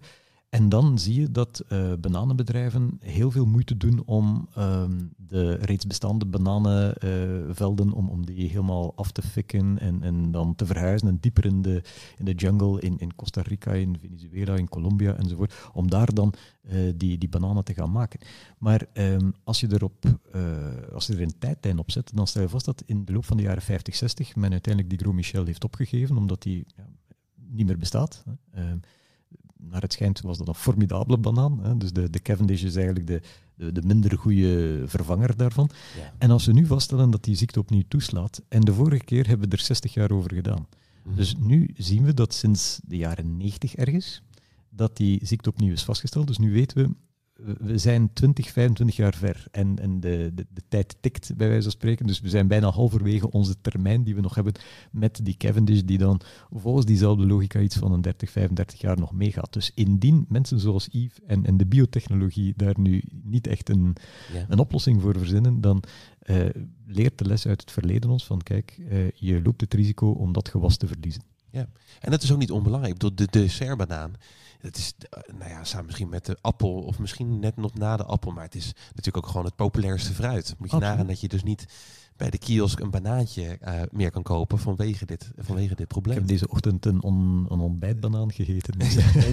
er wordt natuurlijk wel heel hard gewerkt om, ja, om een oplossing te vinden. Men, men, is bijvoorbeeld in Leuven, waar die bananencollectie ook aanwezig is, oh, ja. is men wel bezig om daar nieuwe variëteiten op de markt te krijgen. Ja, en ik moet bijvoorbeeld uh, van Wageningen Gert Kema noemen, naar dit, uh, met dit probleem zich bezighoudt. Dus er is door het werk van gemaakt. Maar het is tegelijkertijd ook wel iets, je vergeet, je vergeet misschien hoe kwetsbaar dit soort gewone zaken zijn, zoals, zoals een banaan. Ja. Mm. ja, we kunnen heel snel dingen verliezen. En we, we kunnen natuurlijk nu op, op gebruik maken van moderne gentechnieken, bijvoorbeeld die, die CRISPR-technologie die er is, op vrij korte termijn tot iets komen dat die Cavendish of zal gaan benaderen. Net doordat we zoveel kennis hebben over hoe smaken, vormen, kleuren en, enzovoort uh, tot stand komen, kunnen we zeer gericht gaan ingrijpen en eigenlijk vertrekkende vanuit een voorouderlijke soort, kunnen we daar heel snel iets nieuws van, van maken. Dus ik denk, ah, ja. eenmaal die technologieën meer en meer ingeburgerd raken, dan kunnen we de op heel uh, efficiënte manier gaan ingrijpen om dat probleem net te gaan, net te gaan oplossen. En, en je zag dus inderdaad dat die, uh, wat dan de Panama-ziekte wordt genoemd, dat dat eigenlijk een ziekte is die dus in Indonesië voorkomt. Ook eigenlijk het oorsprongsgebied, Papua Nieuw-Guinea van, van de banaan, waar je ook de meeste variëteiten vindt. Geldt dat ook voor die waterschimmel uh, die, die we vinden uh, bij, de, bij de aardappel. Ja, je hebt aan de ene kant die waterschimmel die op een bepaald moment ook tot, tot bij ons komt. Vergelijkbaar is de Colorado-kever, ah, ja, uh, die tuurlijk, ook ja. dramatische gevolgen heeft gehad. Nee, je ziet die, ze wandelen door nou ja, de Groningse aardappel. Een paar weken geleden. Ja, die, moeten nog altijd, ja, die worden nog altijd weggeplukt. En, en, en dat is ook iets dat meegekomen is. En dat komt terug op dat, op dat mondiale van onze economie natuurlijk. En dat op een bepaald moment komt daar een ziekte vanuit een ander land, net omdat we zoveel heen en weer reizen uh, tot bij ons en we hebben daar niet onmiddellijk een oplossing voor. En als je dan gaat kijken naar uh, die variëteiten uit Zuid-Amerika, waar we het ook daarnet over hadden, dan is er natuurlijk wel vaak een, een, een zekere natuurlijke tolerantie aanwezig. Mm -hmm. Maar die is dan niet aanwezig in de variëteiten waar wij hierin geïnteresseerd zijn. Ah ja, tuurlijk, ja. Want je zei het ook over India, daar heb je een veelheid aan bananen. Als er dan één wegvalt, dan heb je nog niet al je eitjes in één mandje, ja. wederom. Maar ja. ook daar stel, stellen we vast dat uh, het laatste decennium, de laatste twee decennia, dat... Uh, dat ook daar monocultuur dreigt. Hè, omdat de bedrijven het interessanter vinden om gewoon ook simpelweg de Cavendish daar uh, te gaan gebruiken, eerder dan de zoveel andere tientallen variëteiten die men ter plekke heeft, omdat die de altijd wel een of ander nadeel lijkt te hebben bij het, uh, bij het kweken daarvan.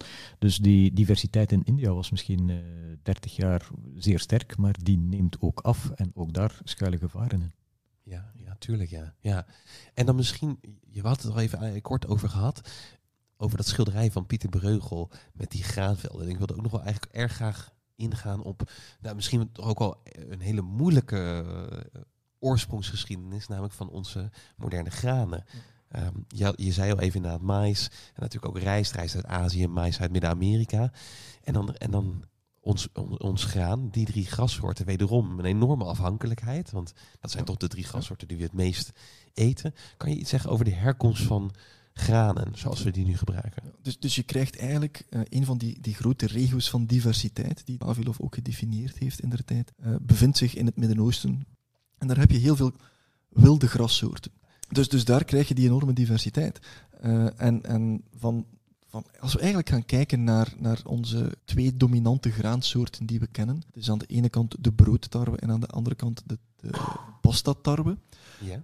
zien we eigenlijk dat dat broodtarwe is hexaploïd, pastatarwe is tetraploïd, wat eigenlijk wil zeggen dat daar meerdere genomen in vervat zitten. Dus je krijgt bij die tetraploïden krijg je twee genomen van, van twee voorouderlijke soorten.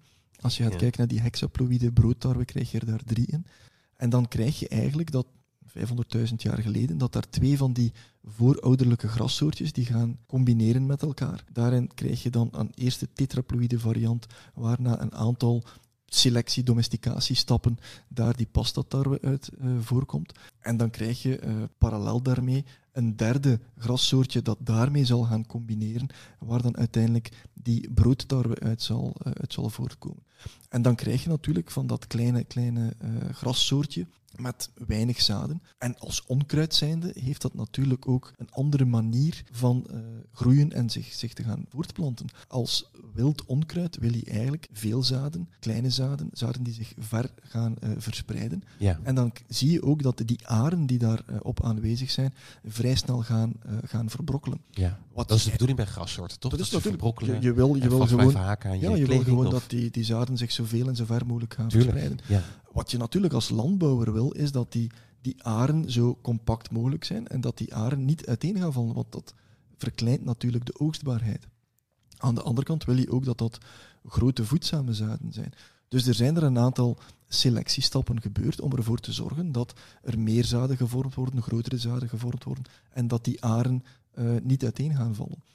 Aan de En is, dat- is dat gewoon een mutatie die kan opkomen? Zeg Ja. maar, je hebt een, je hebt, eh, nou weet ik veel, een veld staan met, met wild graan dan. Ja. Is er, kan je daar een mutatie in vinden waarbij er is de zaden... Ja, dus een van die mutaties die daar een rol in gaan spelen, en dat is dan de, de, de Engelse benaming van dat gen, is dan brittle rachis. Dus dan zie je eigenlijk dat de, de broosheid eh, van die aar gaat bepaald worden door dat, door dat ene gen. Dus als je daar de activiteit van zal verstoren, dan zal dat minder, eh, minder uiteen gaan vallen. Ah, En je ja. ziet eigenlijk gelijkaardige dingen in de halmlengte, de, de hoogte van zo'n van zo'n tarweplant.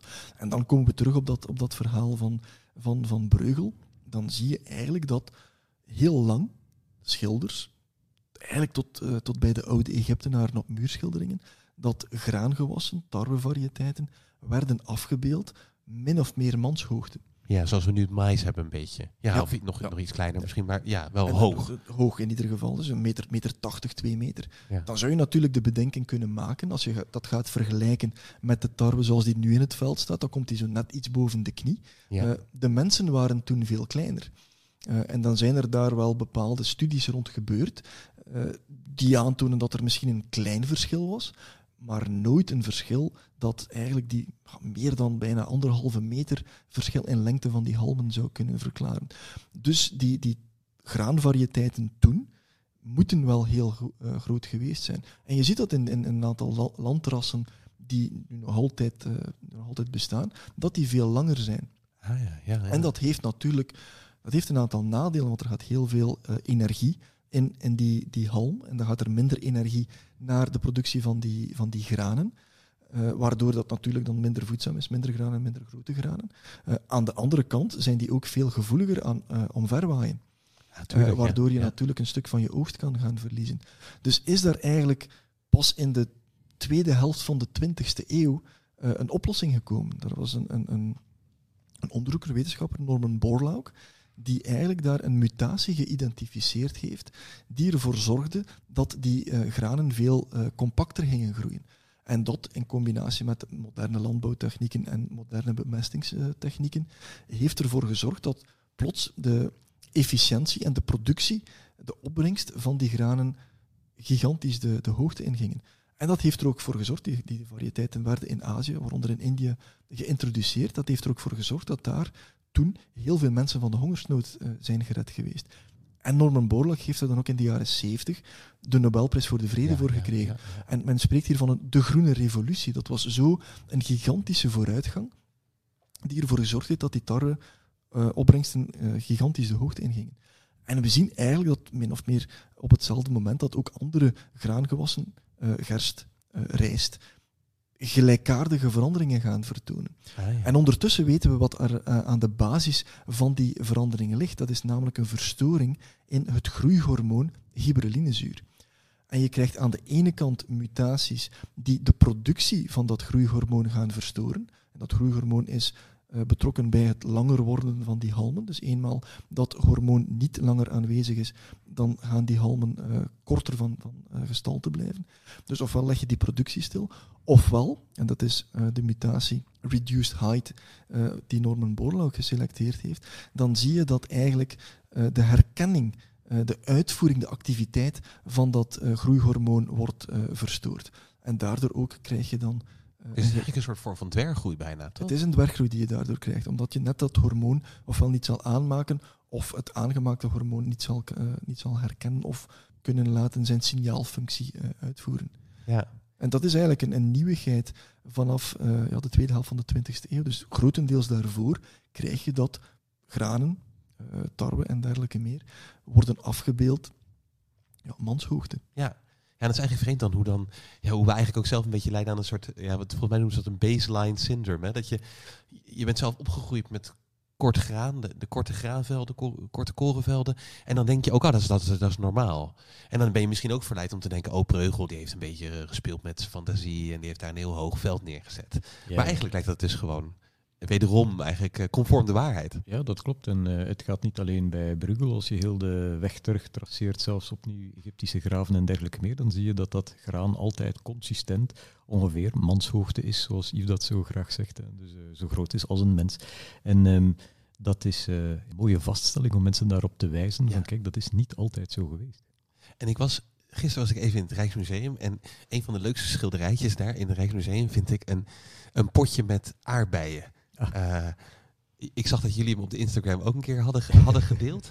En dat is een. een, een en het, het vreemde is, dat zijn niet de aardbeien die je nu vindt in de plastic kuipjes uh, of kartonnen kuipjes in, in, in de supermarkt. Is dat juist? Ja, dat klopt. Ja, eh, het is zoals je daarnet kwam te zeggen over de, de grootte van dat graan en dergelijke meer. Nu is de, de aardbei tamelijk groot. Dat zijn bijna een vuist groot, van een kind dan misschien, maar het, je hebt heel grote exemplaren. Terwijl dat, wanneer je kijkt naar de wilde aardbei, die is uh, ja, een, een, vingerkootje groot, hè, dus dat is veel, veel kleiner. Dus daar is in de tussentijd, in de loop van de geschiedenis, iets mee gebeurd, waardoor dat die aardbei nu precies zoveel groter geworden is. Dus uh, inderdaad ook wel een verhaal van spionage en ontdekkingstochten. En het is eigenlijk gewoon pure James Bond, de, de, de, manier waarop dit, die aardbei tot stand gekomen is. Het is eigenlijk een verhaal dat we terug misschien even op elkaar gaan moeten afstemmen, zodat ik de koningen en, en aanverwanten niet door elkaar hou. Uh, want je is, eigenlijk is onze, onze moderne cultuuraardbei is een kruisingsproduct tussen twee variëteiten. En dat is eigenlijk een variëteit afkomstig uit Noord-Amerika en een variëteit afkomstig uit Zuid-Amerika. Dus aan de ene kant de Fragaria chiloensis, aan de andere kant de Fragaria virginiana.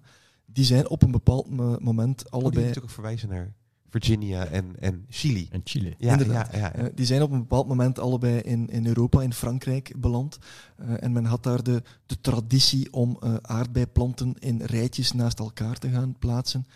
Wat natuurlijk ook toeliet om die twee variëteiten met elkaar te, gaan, te gaan kruisen of te laten kruisen. Waardoor de, uit dat kruisproduct is dan de Fragaria ananassa gekomen. Eh, die dan voor de eerste keer door, door uh, Madame de Basport eh, werd, werd, werd afgebeeld, als ik me, als ik me niet vergis. Dat is helemaal juist. En, en, dat is, dat is een, een, een veel grotere variëteit die ook een klein beetje die, ja, die ananasgeur had. En daar, daar is dan, ik wilde vragen net, ananas. Ja, daar is dan die naam op, ah, op, op gebaseerd. Uh, en dan zie je dat vanaf dat moment uh, die, die, die aardbeisoort, die aardbeivariëteit, uh, aan populariteit wint. Natuurlijk omdat die ja, aangenaam van smaak is, uh, ook wat groter is. En gaat die eigenlijk de, de bosaardbei, zoals we die tot dan hoofdzakelijk uh, kenden, een klein beetje gaan, gaan verdringen. En dan zie je dat ook op, op schilderijen op die manier gebeuren. Hmm. Zoals je zei, je hebt er van die afbeeldingen van die bosaardbeidjes in zo van die porseleinen potjes en dat Delfts blauw. Uh, en, en, dat is lang populair geweest. Net omdat men die aardbeidjes plukte en serveerde in zo'n potje, zoals wij nu borrelnootjes serveren aan onze, Ja, aan onze ja, gasten. je kon daar een handjevol van nemen en je moest dat vrij- ook vrij snel verorberen. Eh, maar dat was een manier van om te gaan met die bosarbeidjes. En echt een delicatesse ook dus. Zeker het, omdat die eh, zeer, zeer rijk en intens, eh, intens van smaak zijn. Daarvoor zag je natuurlijk ook dat die aardbeien werden afgebeeld op religieuze taferelen eh, aan bijvoorbeeld de voeten van Maria, eh, omdat daar ook een bepaalde symboliek aan gekoppeld werd. En, en men maakte ook wel handig gebruik van een aantal kenmerken van zo'n aardbeiplantje om daar die, die, die symboliek in te gaan eh, terugvinden. En dan zie je bijvoorbeeld, als je naar zo'n aardbeiplantje kijkt, dat die, die vruchtjes, die, die bloemetjes, die hangen zo'n beetje naar beneden. Wat dan eigenlijk dat nederige, dat aardse van, van Maria symboliseert. Aan de andere kant krijg je daar een, een blad van zo'n aardbeiplantje, bestaat uit drie deelblaadjes, wat dan heel makkelijk refereert naar de heilige Tuurlijk, ja. naar de heilige drievuldigheid. Dus zo krijg je ook, dus als je zo naar, naar zo'n schilderij, een religieus tafereel gaat, moet je eens zeer nauwgezet naar de voeten van Maria kijken. En dan ga je op heel veel eh, van die, van die eh, schilderijen, zo van die aardbeiplantjes zien, zien afgebeeld. Maar ondertussen dwalen we af en, en zijn we nog altijd niet bij de oorsprong van die Fragaria chiloensis. Dus hoe is die nu bij ons in Europa terechtgekomen? En ik denk daar eh, dat David misschien wel Ja, een zeer mooi verhaal kan eh, oh ja, kan omdat als historicus ben je natuurlijk gek op zo'n soort van verhaal waar er veel bronnenmateriaal voor is. Hè. En eh, het verhaal van de aardbei is nu juist, laten we zeggen, tamelijk uniek, omdat we precies weten wie de persoon is die dat heeft uitgezocht en wie de persoon is die daarvoor gezorgd heeft. Dus dat, dat is geweldig. En die twee hebben ook brieven naar elkaar geschreven met de vraag van, ja, hoe is dat dan precies allemaal gebeurd? Dus het, het verhaal begint eigenlijk bij ehm, een zekere Duchesne, die de zoon was van een van de werknemers in de tuinen van Versailles, de botanische tuin dan. En eh, op het moment dat Madame de Pompadour was gestorven, was eh, Louis XV dus, Lodewijk XV, ehm, wat in een melancholieke bui. Nu, dat was ook een melancholieke koning, zat wel wat in zijn karakter. En eh, kunst en zo, hij had er niks op tegen, maar was daar niet zo echt eh, enthousiast over. Waar hij zeer enthousiast over werd, was techniek en wetenschap. En hij had een voorliefde voor botanica. En het komt erop neer dat men die koning een beetje wou opvrolijken door die jonge Duchesne, waarschijnlijk eh, met zijn gezicht vol acne, met een pot met eh, een aardbeiplant naar de koning te sturen, omdat daar toch wel bijzonder grote aardbeien op groeiden. En de koning vroeg dan, ja, die zijn wel zeer groot, eh, waar komen die precies vandaan en, en waar heb je dat? En ja, Duchesne moest het antwoord schuldig blijven. En toen zei de koning tegen hem, waarschijnlijk bij wijze van grap, van ah kijk, dat is dan een taak voor jou om dat uit te zoeken. En heeft dat dan ook gedaan. Is dan gaan uitzoeken van hoe dat dan kwam. En is op die manier een beetje in contact gekomen met een eh, kerel die op dat moment in ehm, Bretagne woonde. En die ehm, hem het verhaal vertelde van hoe dat precies gebeurd is. Dus dat is in het begin van de 18e eeuw. U moet weten dat op dat ogenblik eh, Louis XIV, de zonnekoning Lodewijk XIV, erin geslaagd was om eh, ja, toch een zekere greep te krijgen op de troon van Spanje. En hij wist ook dat hij een, een mogelijkheid had om zijn spionnen uit te sturen om dat Spaanse imperium zowat in kaart te brengen, eh, demografisch, economisch, militair enzovoort. En een van die kerels die hij erop uitstuurt was een militaire ingenieur, die was opgeleid in Parijs. Hij stuurt die naar, eh, naar Chile om daar forten in, eh, in kaart te brengen. Dus die man eh, doet zich voor als een, een handelaar, die komt overal binnen, die eh, maakt eh, fantastisch mooie afbeeldingen. Hij was, had een militaire opleiding gekregen, dus hij kon, hij kon plannen tekenen en zo van die dingen. En wat hij daar op een bepaald moment ook wel tegenkomt in de, op de markt van Concepción, dus een stad in Chile, ehm, dat is een gigantisch grote aardbei. En hij weet ook dat zijn koning, de zonnekoning, dol is op aardbeien, die at dat oprecht zeer graag. En hij zegt van ja, daar moet ik toch wel een aantal exemplaren van meenemen. En hij neemt een aantal exemplaren mee. Er een beetje van uitgaande van als er één of twee het niet overleven, dan komt het wel goed. Want ja, dus men zit toch maanden op een boot vanuit Chile in de richting van Europa. Dus dat is toch een hele tijd. En het zoete water heb je ook nodig om je mensen in leven te houden. Dus Zeker, ja, ja, om dat dan aan planten te geven, dat, dat eh, is niet altijd verantwoord. Dus bon, hij had een aantal eh, planten meegenomen en ehm, die man die zal eh, uiteindelijk in Frankrijk arriveren en één cadeau doen aan de koning, één cadeau doen aan de tuin van Versailles. Eh, het komt erop neer dat ook een aantal van die planten het begeven hebben, maar hij neemt er ook een mee voor zichzelf. En nu blijkt dat ehm, wanneer Duchesne met hem schrijft, dan blijkt die man de toch wel zeer merkwaardige naam te hebben van Amadé Fraisier. Dus die heet Fraisier, om- een fraise in het Frans is een aardbei. Ja. Dus een beetje nomen est omen. Nu, de aardbei is niet naar hem genoemd, maar eh, vreemd genoeg stamt hij af van een, eh, een familie die trouwens, zo zegt men, ook eh, in Schotland terechtgekomen is. Dat is dan Clan Fraser, maar die oorspronkelijk Frans is en Carolingisch. En zo is gaan noemen, nu juist omdat een van die voorvaderen ooit aan, ik geloof, Lodewijk de Dikke, aardbeien cadeau gedaan heeft. Dus bon, het komt erop neer dat die naam wel ergens van een aardbei komt, maar dat deze meneer Amédée Fraisier uh, uiteindelijk die Fragaria chiluensis meeneemt naar Europa. En zoals Yves er net heeft uitgelegd, ja, men gaat daarmee aan de slag, maar um, bon, dat lukt eerst niet, omdat hij, uh, ik geloof alleen uh, vrouwelijke planten had meegenomen. Um, dus dat is ja, misschien wel goed inderdaad, want de, de, Ja. de aardbei is inderdaad tweehuizig. Ja. Dus dat is een, ja. Yves, Ja, dat dat- moet je toch even uitleggen. Ja, dan, krijg je daar het complexe verhaal van eenhuizigheid, tweehuizigheid, eenslachtigheid, tweeslachtigheid, wat niet altijd heel evident is om, om, Nee. eh, om uit te leggen zonder dat heel mooi te gaan, te gaan illustreren. Eh, maar je krijgt daar dus inderdaad mannelijke bloemen, vrouwelijke bloemen op eh, twee verschillende planten, in, in dit geval van die aardbeivariëteit. Eh, natuurlijk, als je dan enkel die vrouwelijke plantjes hebt, dan zonder bestuiving, zonder zelfbestuiving dan in dit geval, kan daar geen vruchtzetting optreden.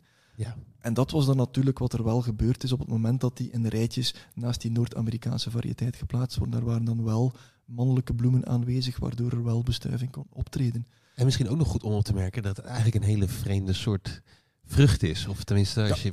de aardbei is eigenlijk een, een schijnvrucht. Hè. Dus als je Ja. gaat kijken, de eigenlijke vruchtjes zijn die eh, zwarte stipjes, die je, de, de, de zaadjes, de akenes, die je op de buitenkant van die uitgegroeide bloembodem eh, ziet aanwezig zijn. Dus dat zijn eigenlijk de vruchtjes. Het geheel is in feite een schijnvrucht. We vinden een gelijkaardig iets van een soort schijnvrucht terug bij bijvoorbeeld de ananas. Hè. De, de, de- waarbij eigenlijk de, de vruchten die we opeten is samengesteld uit meerdere bloemen, meerdere bloemonderdelen, die dan met elkaar gaan, eh, gaan vergroeien. Ja. Dus hij neemt die plantjes mee, maar hij heeft alleen mannelijk, alleen vrouwelijke bij zich. Of in ieder geval, in ieder geval van één geslacht heeft hij Ja, alleen maar planten Ik- per ongeluk meegenomen. Ik geloof alleen vrouwelijk, omdat daar vruchten op stonden en dat die tamelijk groot waren. Dus heeft, heeft die dan Ja. eh, meegenomen. Ja, goed, daar gebeurt uiteraard niks mee. Maar, ehm, dus dat draagt geen vruchten. Tot men blijkbaar in het noorden van Frankrijk eh, de beslissing genomen had om die ehm, te plaatsen naast de Fragaria virginiana. Dus dat is die die afkomstig is uit het eh, ja, eh, Virginia, maar dat is... Virginia is ruim, eh, dus dat is tot in Canada eigenlijk. hè. Noord-Amerika. Ja, Precies, ja. Dus de, de- laten we zeggen de oostkust van, van de Verenigde Staten en, en Canada. En dus ehm, daar komt die vandaan. En die was weliswaar een beetje kleiner, maar wanneer men die naast elkaar gaat plaatsen, dan zal die bevruchting toch mogelijk worden. En dan zie je dat die plant, eh, die kruising dus, eh, de, de zogenaamde Fragaria ananassa, dat die inderdaad wel die gigantisch grote vruchten eh, voortbrengt. En die waren ook best stevig. Dus dat wil zeggen, al vrij spoedig zullen Franse ehm, tuinbouwers erin slagen om de scène te gebruiken om binnen de 24 uur de, eh, de vruchten te oogsten en op de markt te brengen in Parijs. Maar evengoed, indien zij naar het noorden varen en de Thames op, dan kunnen zij zoals binnen de 36 of 48 uur ook daar de markten van Londen bevoorraden. En dan heb je toch wel de twee grootste steden van Europa en eigenlijk zelfs de wereld op dat ogenblik. Omdat gedurende de volledige 19e eeuw is Londen de grootste stad van de wereld. En ehm, dan merk je dat die vrij gemakkelijk kunnen bevoorraad worden. Dus plots begint iedereen van die grote aardbeien eh, te eten. En dan, dan kent men dat. En dan ehm, is natuurlijk eh, het punt gekomen waarop eh, Lodewijk XV vraagt aan de jonge Duchesne van waar komen die nu precies vandaan? En dat vind ik nu als historicus juist het fascinerende. Want had de koning die vraag niet gesteld, dan had Duchesne daar waarschijnlijk ook nooit zijn onderzoek op begonnen. Duchesne is dan uiteindelijk via via in contact gekomen, omdat hij wist van, ja, dat wordt precies wel in het noorden eh, dat dat eh, gekweekt wordt. Die wijzen hem op, ja, maar wij hebben dat plantje gekregen van een zekere meneer Amédée Fraisier, en die leefde op dat ogenblik nog. Ik denk dat hij in de 70 of zelfs al in de 80 was, dus die was een oude man geworden inmiddels. Ja. En eh, die schrijft hem dat er helaas van, ah, ik ben naar Chili gegaan enzovoort. Dus je weet het eigenlijk uit de eerste hand. En, en dat is zo formidabel. Je weet exact wie de persoon was die ervoor gezorgd heeft dat eh, we de aardbei die we vandaag vinden in die plastic bakjes in onze supermarkt, wie daar precies voor verantwoordelijk is. En, en dat is toch fantastisch. En, en het, het, het, het jammere is, niemand kent die Duchenne. Die Nee, man heeft nee. dat tot op het bot uitgepluist. Die heeft daar een boek over geschreven. Die heeft gecommuniceerd met Linnaeus, hier ook wel bekend, over zijn bevindingen. Linnaeus in het begin geloofde daar niks van. Dus die, die schreef terug van, je bent op, op een foute piste aan het denken. in de context van meerhuizigheid, eenhuizigheid, tweehuizigheid, één, tweeslachtigheid, gaat het op een andere manier gaan bekijken. En, en Duchenne is dat op een andere manier gaan bekijken, heeft dat verder uitgepluist, tot hij uiteindelijk ook Linnaeus kon overtuigen van zijn gelijk. Hij had natuurlijk een klein beetje de pech dat hij met die aardbei bezig uh, was. We hadden het daarnet al over die tarwe, die, die hexaploïde, tetraploïde uh, tarwe. Die aardbei is van een nog hoger ploïdiegehalte, het octaploïd, of zelfs nog hoger bij bepaalde andere variëteiten. Wat de complexiteit van zo'n genetisch onderzoek natuurlijk heel wat bemoeilijkt. Ik denk dat mocht uh, Duchenne op iets anders gewerkt hebben, bijvoorbeeld zoals Mendel gedaan heeft met zijn, met zijn erten, dat hij een wel veel gekender genetisch, geneticus botanicus zou, zou geworden zijn en dat die naam nu wel, zoals een, een Mendel en zoals bijvoorbeeld een Darwin, verankerd zou zijn in, in onze algemene kennis van, van de grote genetici. Maar dan kan je dus blijkbaar ook op genetische gronden, is het dus heel goed om, of ja, je kan dus op genetische gronden, kan je heel goed aanwijzen dat het dus ook niet een afstammeling is van de wilde bosarbeid. Want ik... er, er, zit, er zitten stukjes van dus de, de wilde bosarbeid, de Fragaria vesca, er zitten daar stukjes van die genetische informatie ook in, in vervat.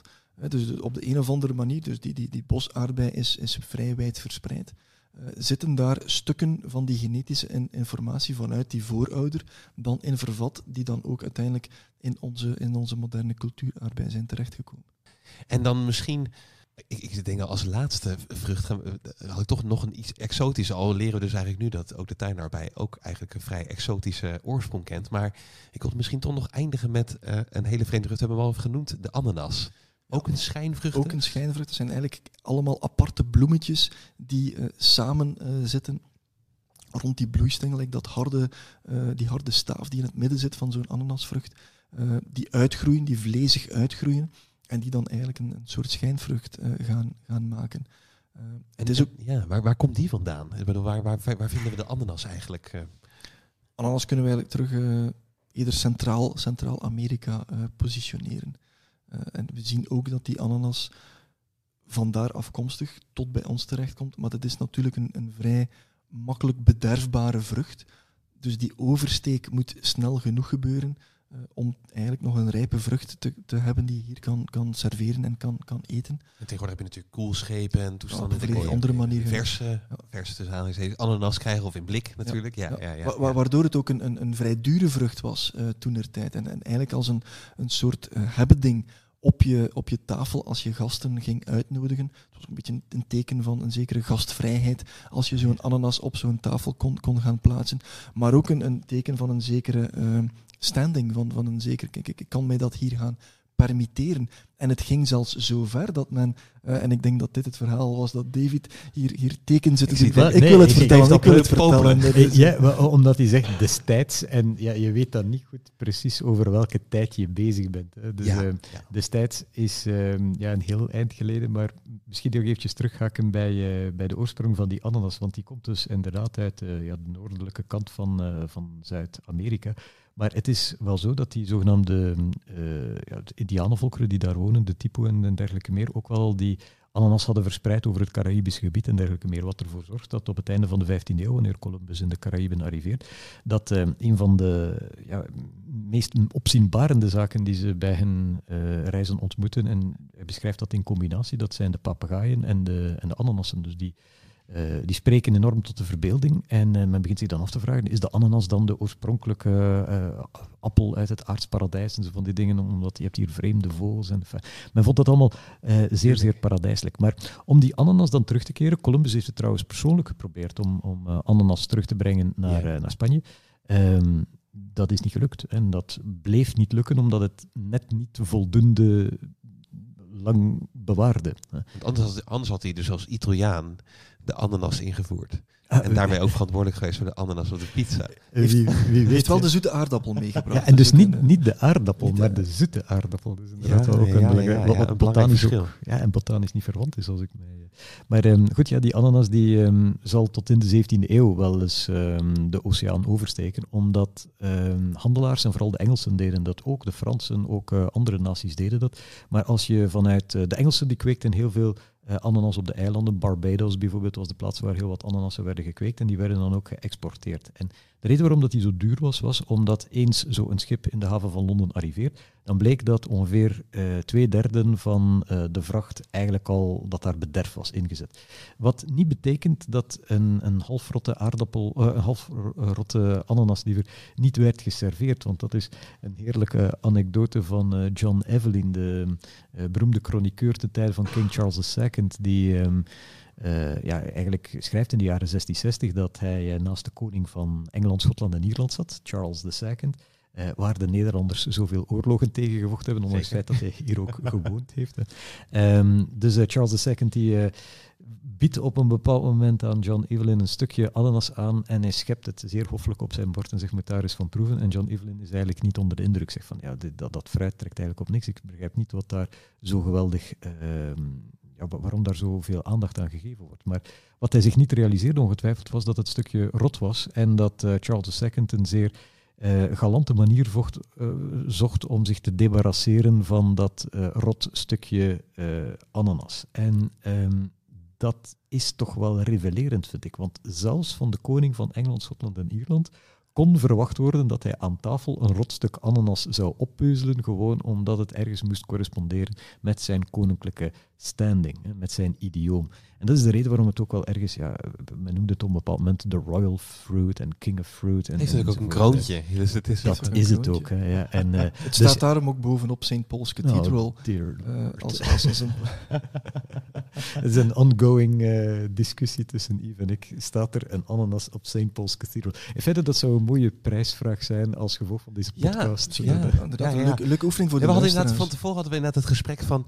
Je hebt wel eens laten we zeggen, pijnappels, dennenkegels, eh, zoals we het eerder noemen, als, eh, als, als ornamenten. En je hebt ananas als ornamenten. En nou is het natuurlijk een beetje het probleem dat naar de pineapple, het zegt het al een beetje, de, die ananas die heeft natuurlijk ook wel, zeg maar, morfologisch gezien, heeft hij ook wel wat weg van die, van die dennenkegel. Dat is zo, dat is zo. Dus het is misschien wat lastig vast te stellen. En jullie, want jullie parkeerden bij de Garenmarkt en daar heb je ook iets staan. Nou ja, goed. Ik ben benieuwd wat het is. het, het, lijkt verdacht veel op een ananas. Ja, het lijkt ook verdacht veel op een dennenappel. Ja, ja, ja, ja, precies. Het hangt er een beetje vanaf welke botanische kenmerken je belangrijk vindt. vrienden twist tussen jullie ja, of oh, te maken hebben met, uh, met, met dennenappels of, of ananas. Maar er zijn wel natuurlijk gebouwen waar de ananas heel duidelijk geïncorporeerd is. Er is volgens mij toch een prachtig gebouw in Schotland. Oh ja. Um, in een tuin waarin, uh, waarin een ananas gebouw staat. Ja, dat is echt knettergek, hè? omdat dat dak heeft daadwerkelijk, dat is een gigantische koepel die gemaakt is zoals een ananas. En zoals in een ananas zit ook zo'n soort van, ja, hoe noemt dat nu, een Fibonacci-reeks. Dus die, die heeft een zeer unieke, net, net zoals bij een dennenappel tussen twee hakjes. Dus heb je een Fibonacci-reeks en dat um, dak is zo geconstrueerd dat uh, nog ijs, nog water er lang blijft op kan liggen en dat alles heel netjes wordt afgevoerd. Men heeft dus... Um, gekeken naar het voorbeeld van de natuur om eh, een ontwerp te maken. Ah, ja, een beetje zoals Gaudi later zou gaan doen, een ontwerp te maken naar de natuur om zo efficiënt mogelijk het water af te voeren en om dat dak zo mooi uh, te, te, ja, te stileren, zeg maar. En dat ziet er dus uit als een ananas. Dus, uh, ja, eigenlijk zeer bizar. Maar als je dan gaat kijken naar ehm, de mode in die tijd, dan was het ook niet ongewoon dat ehm, in de loop van de 18e eeuw mensen, uh, en vooral de dames, dan jurken hadden met ananassen op. Uh, dat ook uh, ten tijde van, en dus dan meer in de tweede helft van de 18e eeuw, dat ook in de hoge coiffures, de, de grand poufs, zoals men dat destijds noemde, dat er ook ananassen in verwerkt werden.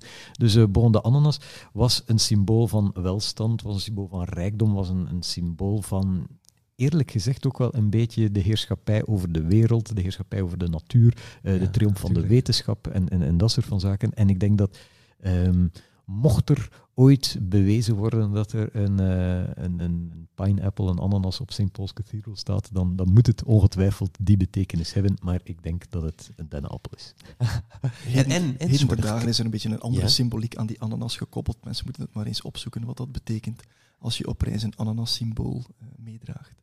Ah ja, ja. Oh, dat weet ik helemaal niet. Ik weet wel dat Ionica Smeets een keer uh, SpongeBob SquarePants heeft geschreven. Ik weet niet of ze daadwerkelijk contact met ze heeft gehad, maar om ze te corrigeren, omdat ze dus niet goed die Fibonacci, die gulden, ja. die gulden sneden lieten terugkomen in de, in de ananas van uh, SpongeBob. Ah, dat is jammer.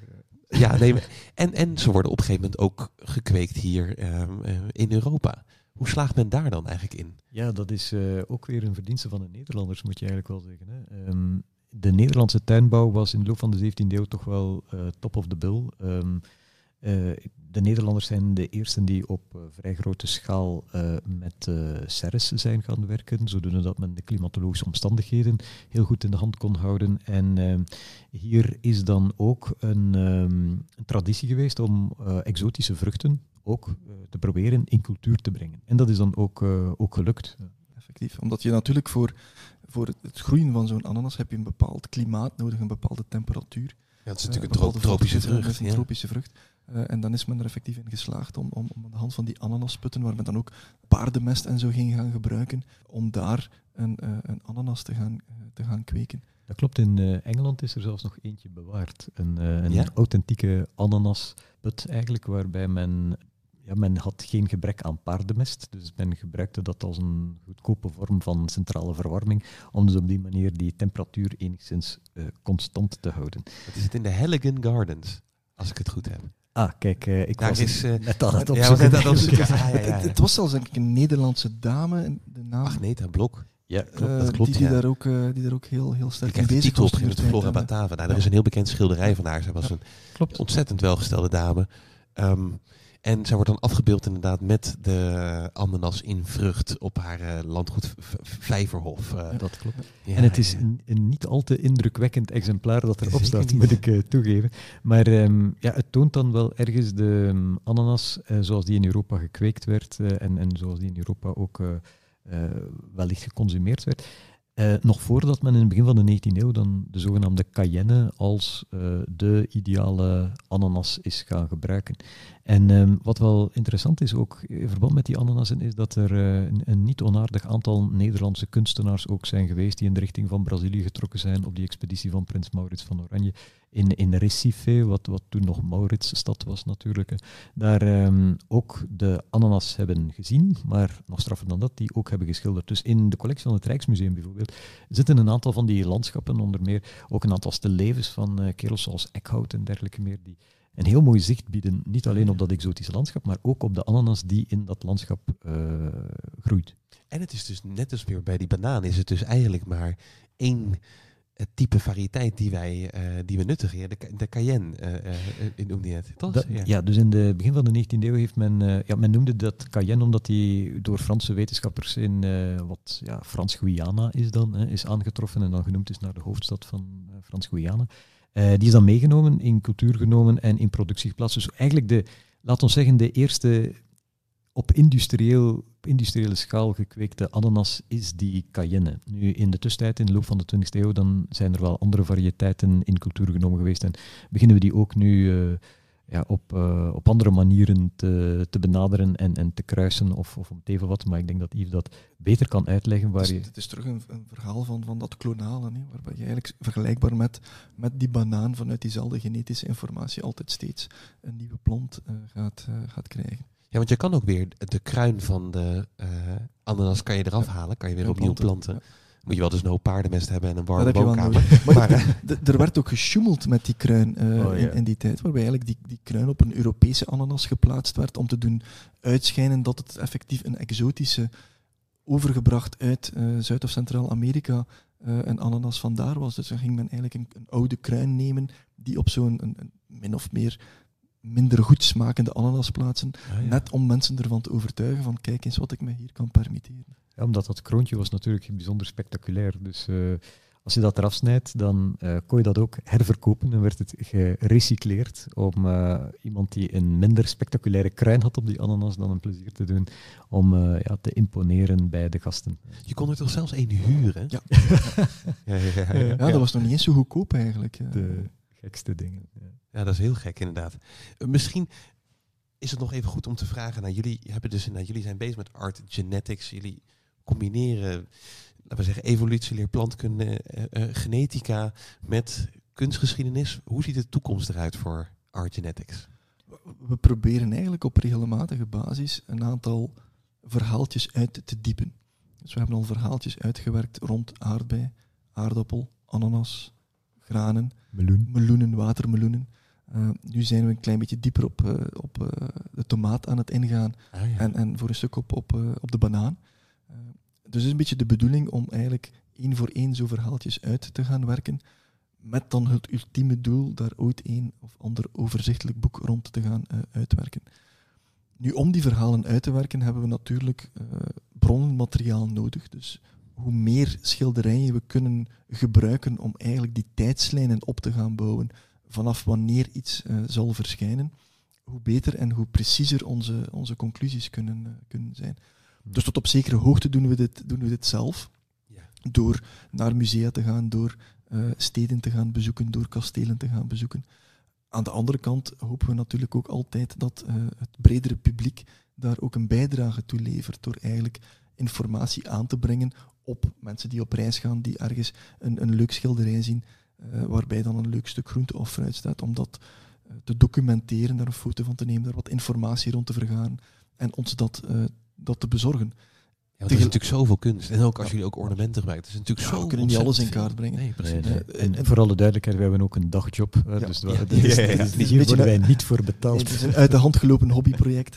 uh, en we kunnen natuurlijk ook niet alle, alle continenten even frequent gaan, gaan aandoen. En het is ook wel belangrijk uh, om vanuit, vanuit andere continenten informatie te gaan, krijgen, waar, te gaan krijgen waar heel vaak die soorten vanuit uh, afkomstig gaan zijn. Er is inderdaad wel wat van een bias in ons onderzoek dat wij ons hoofdzakelijk uh, toeleggen op um, ja, westerse of Europese zelfs nog uh, schilderkunst, maar ja. ongetwijfeld zijn er, is, is, er prachtig materiaal dat te vinden is in India bijvoorbeeld, waar, waar je toch ook een enorme biodiversiteit hebt en waar je geen gebrek hebt aan fantastische kunstenaars die in Precies, de voorbije ja. honderden jaren afbeeldingen gemaakt hebben. Hetzelfde met China bijvoorbeeld. Hè. De, de rijkdom aan informatie die daar moet zitten in de musea daar en in kunstcollecties enzovoort, moet ongelooflijk zijn. Maar op een of andere manier is het voor ons uh, puur geografisch als ook naar tijdsinvestering zeer lastig om die data te gaan oogsten. Dus ja. meer in het bijzonder, omdat wij werken met een soort van ja, uh, insteek van burgerwetenschap, zo'n citizen science, uh, waarbij wij hulp vragen aan mensen.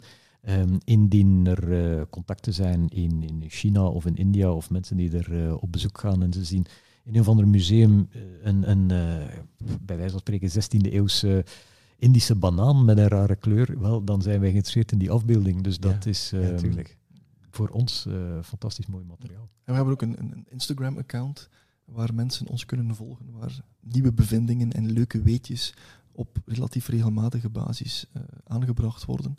Nee, maar er zijn natuurlijk nog heel veel. Ik bedoel, wat je al zegt, je bent natuurlijk gewoon beperkt. En het is ook uh, een hobby in de vrije tijd. Dus je kan natuurlijk inderdaad niet al die, die hele kunsthistorische traditie. En laten ze vooral natuurlijk ook van andere landen, inderdaad. En je vertelde zelfs ook in het voorgesprek van een kiwi bijvoorbeeld. Ja. Uh, dat, geen stil leven met kiwis. Of weinig. Uh, dus mensen die inderdaad een, een, schilderij met een kiwi of, of, of spruitjes en broccoli, niet tegenstaande dat die ook al vrij lang bestaan, zien we die heel weinig afgebeeld worden. Dus als, als iemand ergens een schilderij vindt waar die zaken op staan. Ja, buiten dat... Italië althans. Want uh, er is altijd zo'n beetje een misverstand onder Vlamingen dat broccoli al altijd gegeten werd, maar dat lijkt mij niet het geval te zijn. Um, vooral in de 18e eeuw wordt het uh, heel regelmatig geserveerd in Italië, zelfs in die mate dat mensen die er naar op reis gaan, op die zogenaamde Grand Tour, uh, erover klagen. Over het feit dat uh, broccoli de meest walgelijke groente is die ze ooit hebben gegeten. En, bon, dus het is eigenlijk pas op het moment dat veel van die Italianen in de richting van Amerika trekken, dat ze die broccoli meenemen en dat vandaar, dus vanaf de 19e eeuw, die broccoli zich dan weer over de rest van de wereld gaat verspreiden. Dus ook dat is een heel gek verhaal, lijkt mij. Ja, nee, zeker. Nou, dus, dus nou ja, vooral ook naar de luisteraar toe. Mocht u in, het, in de toekomst bij een museumbezoek, bij een reis of zo. Of mocht u bijvoorbeeld inderdaad een stilleven met een kiwi vinden, of met spruitjes, met broccoli, of met andere vreemde vruchten waarvan u de oorsprong niet weet. Uh, maak er een foto van, voeg er wat informatie bij en, en, en stuur het naar Yves de Smet en naar uh, David Vergouwen. En die, en die weten de raad mee. Um, heren, hartelijk dank voor dit hele fijne gesprek. Met plezier. gedaan. En natuurlijk ook de luisteraars Thijs, dank voor het luisteren. En tot de volgende keer. Dit was weer een aflevering van Radio Horselnest. Dank u voor het luisteren.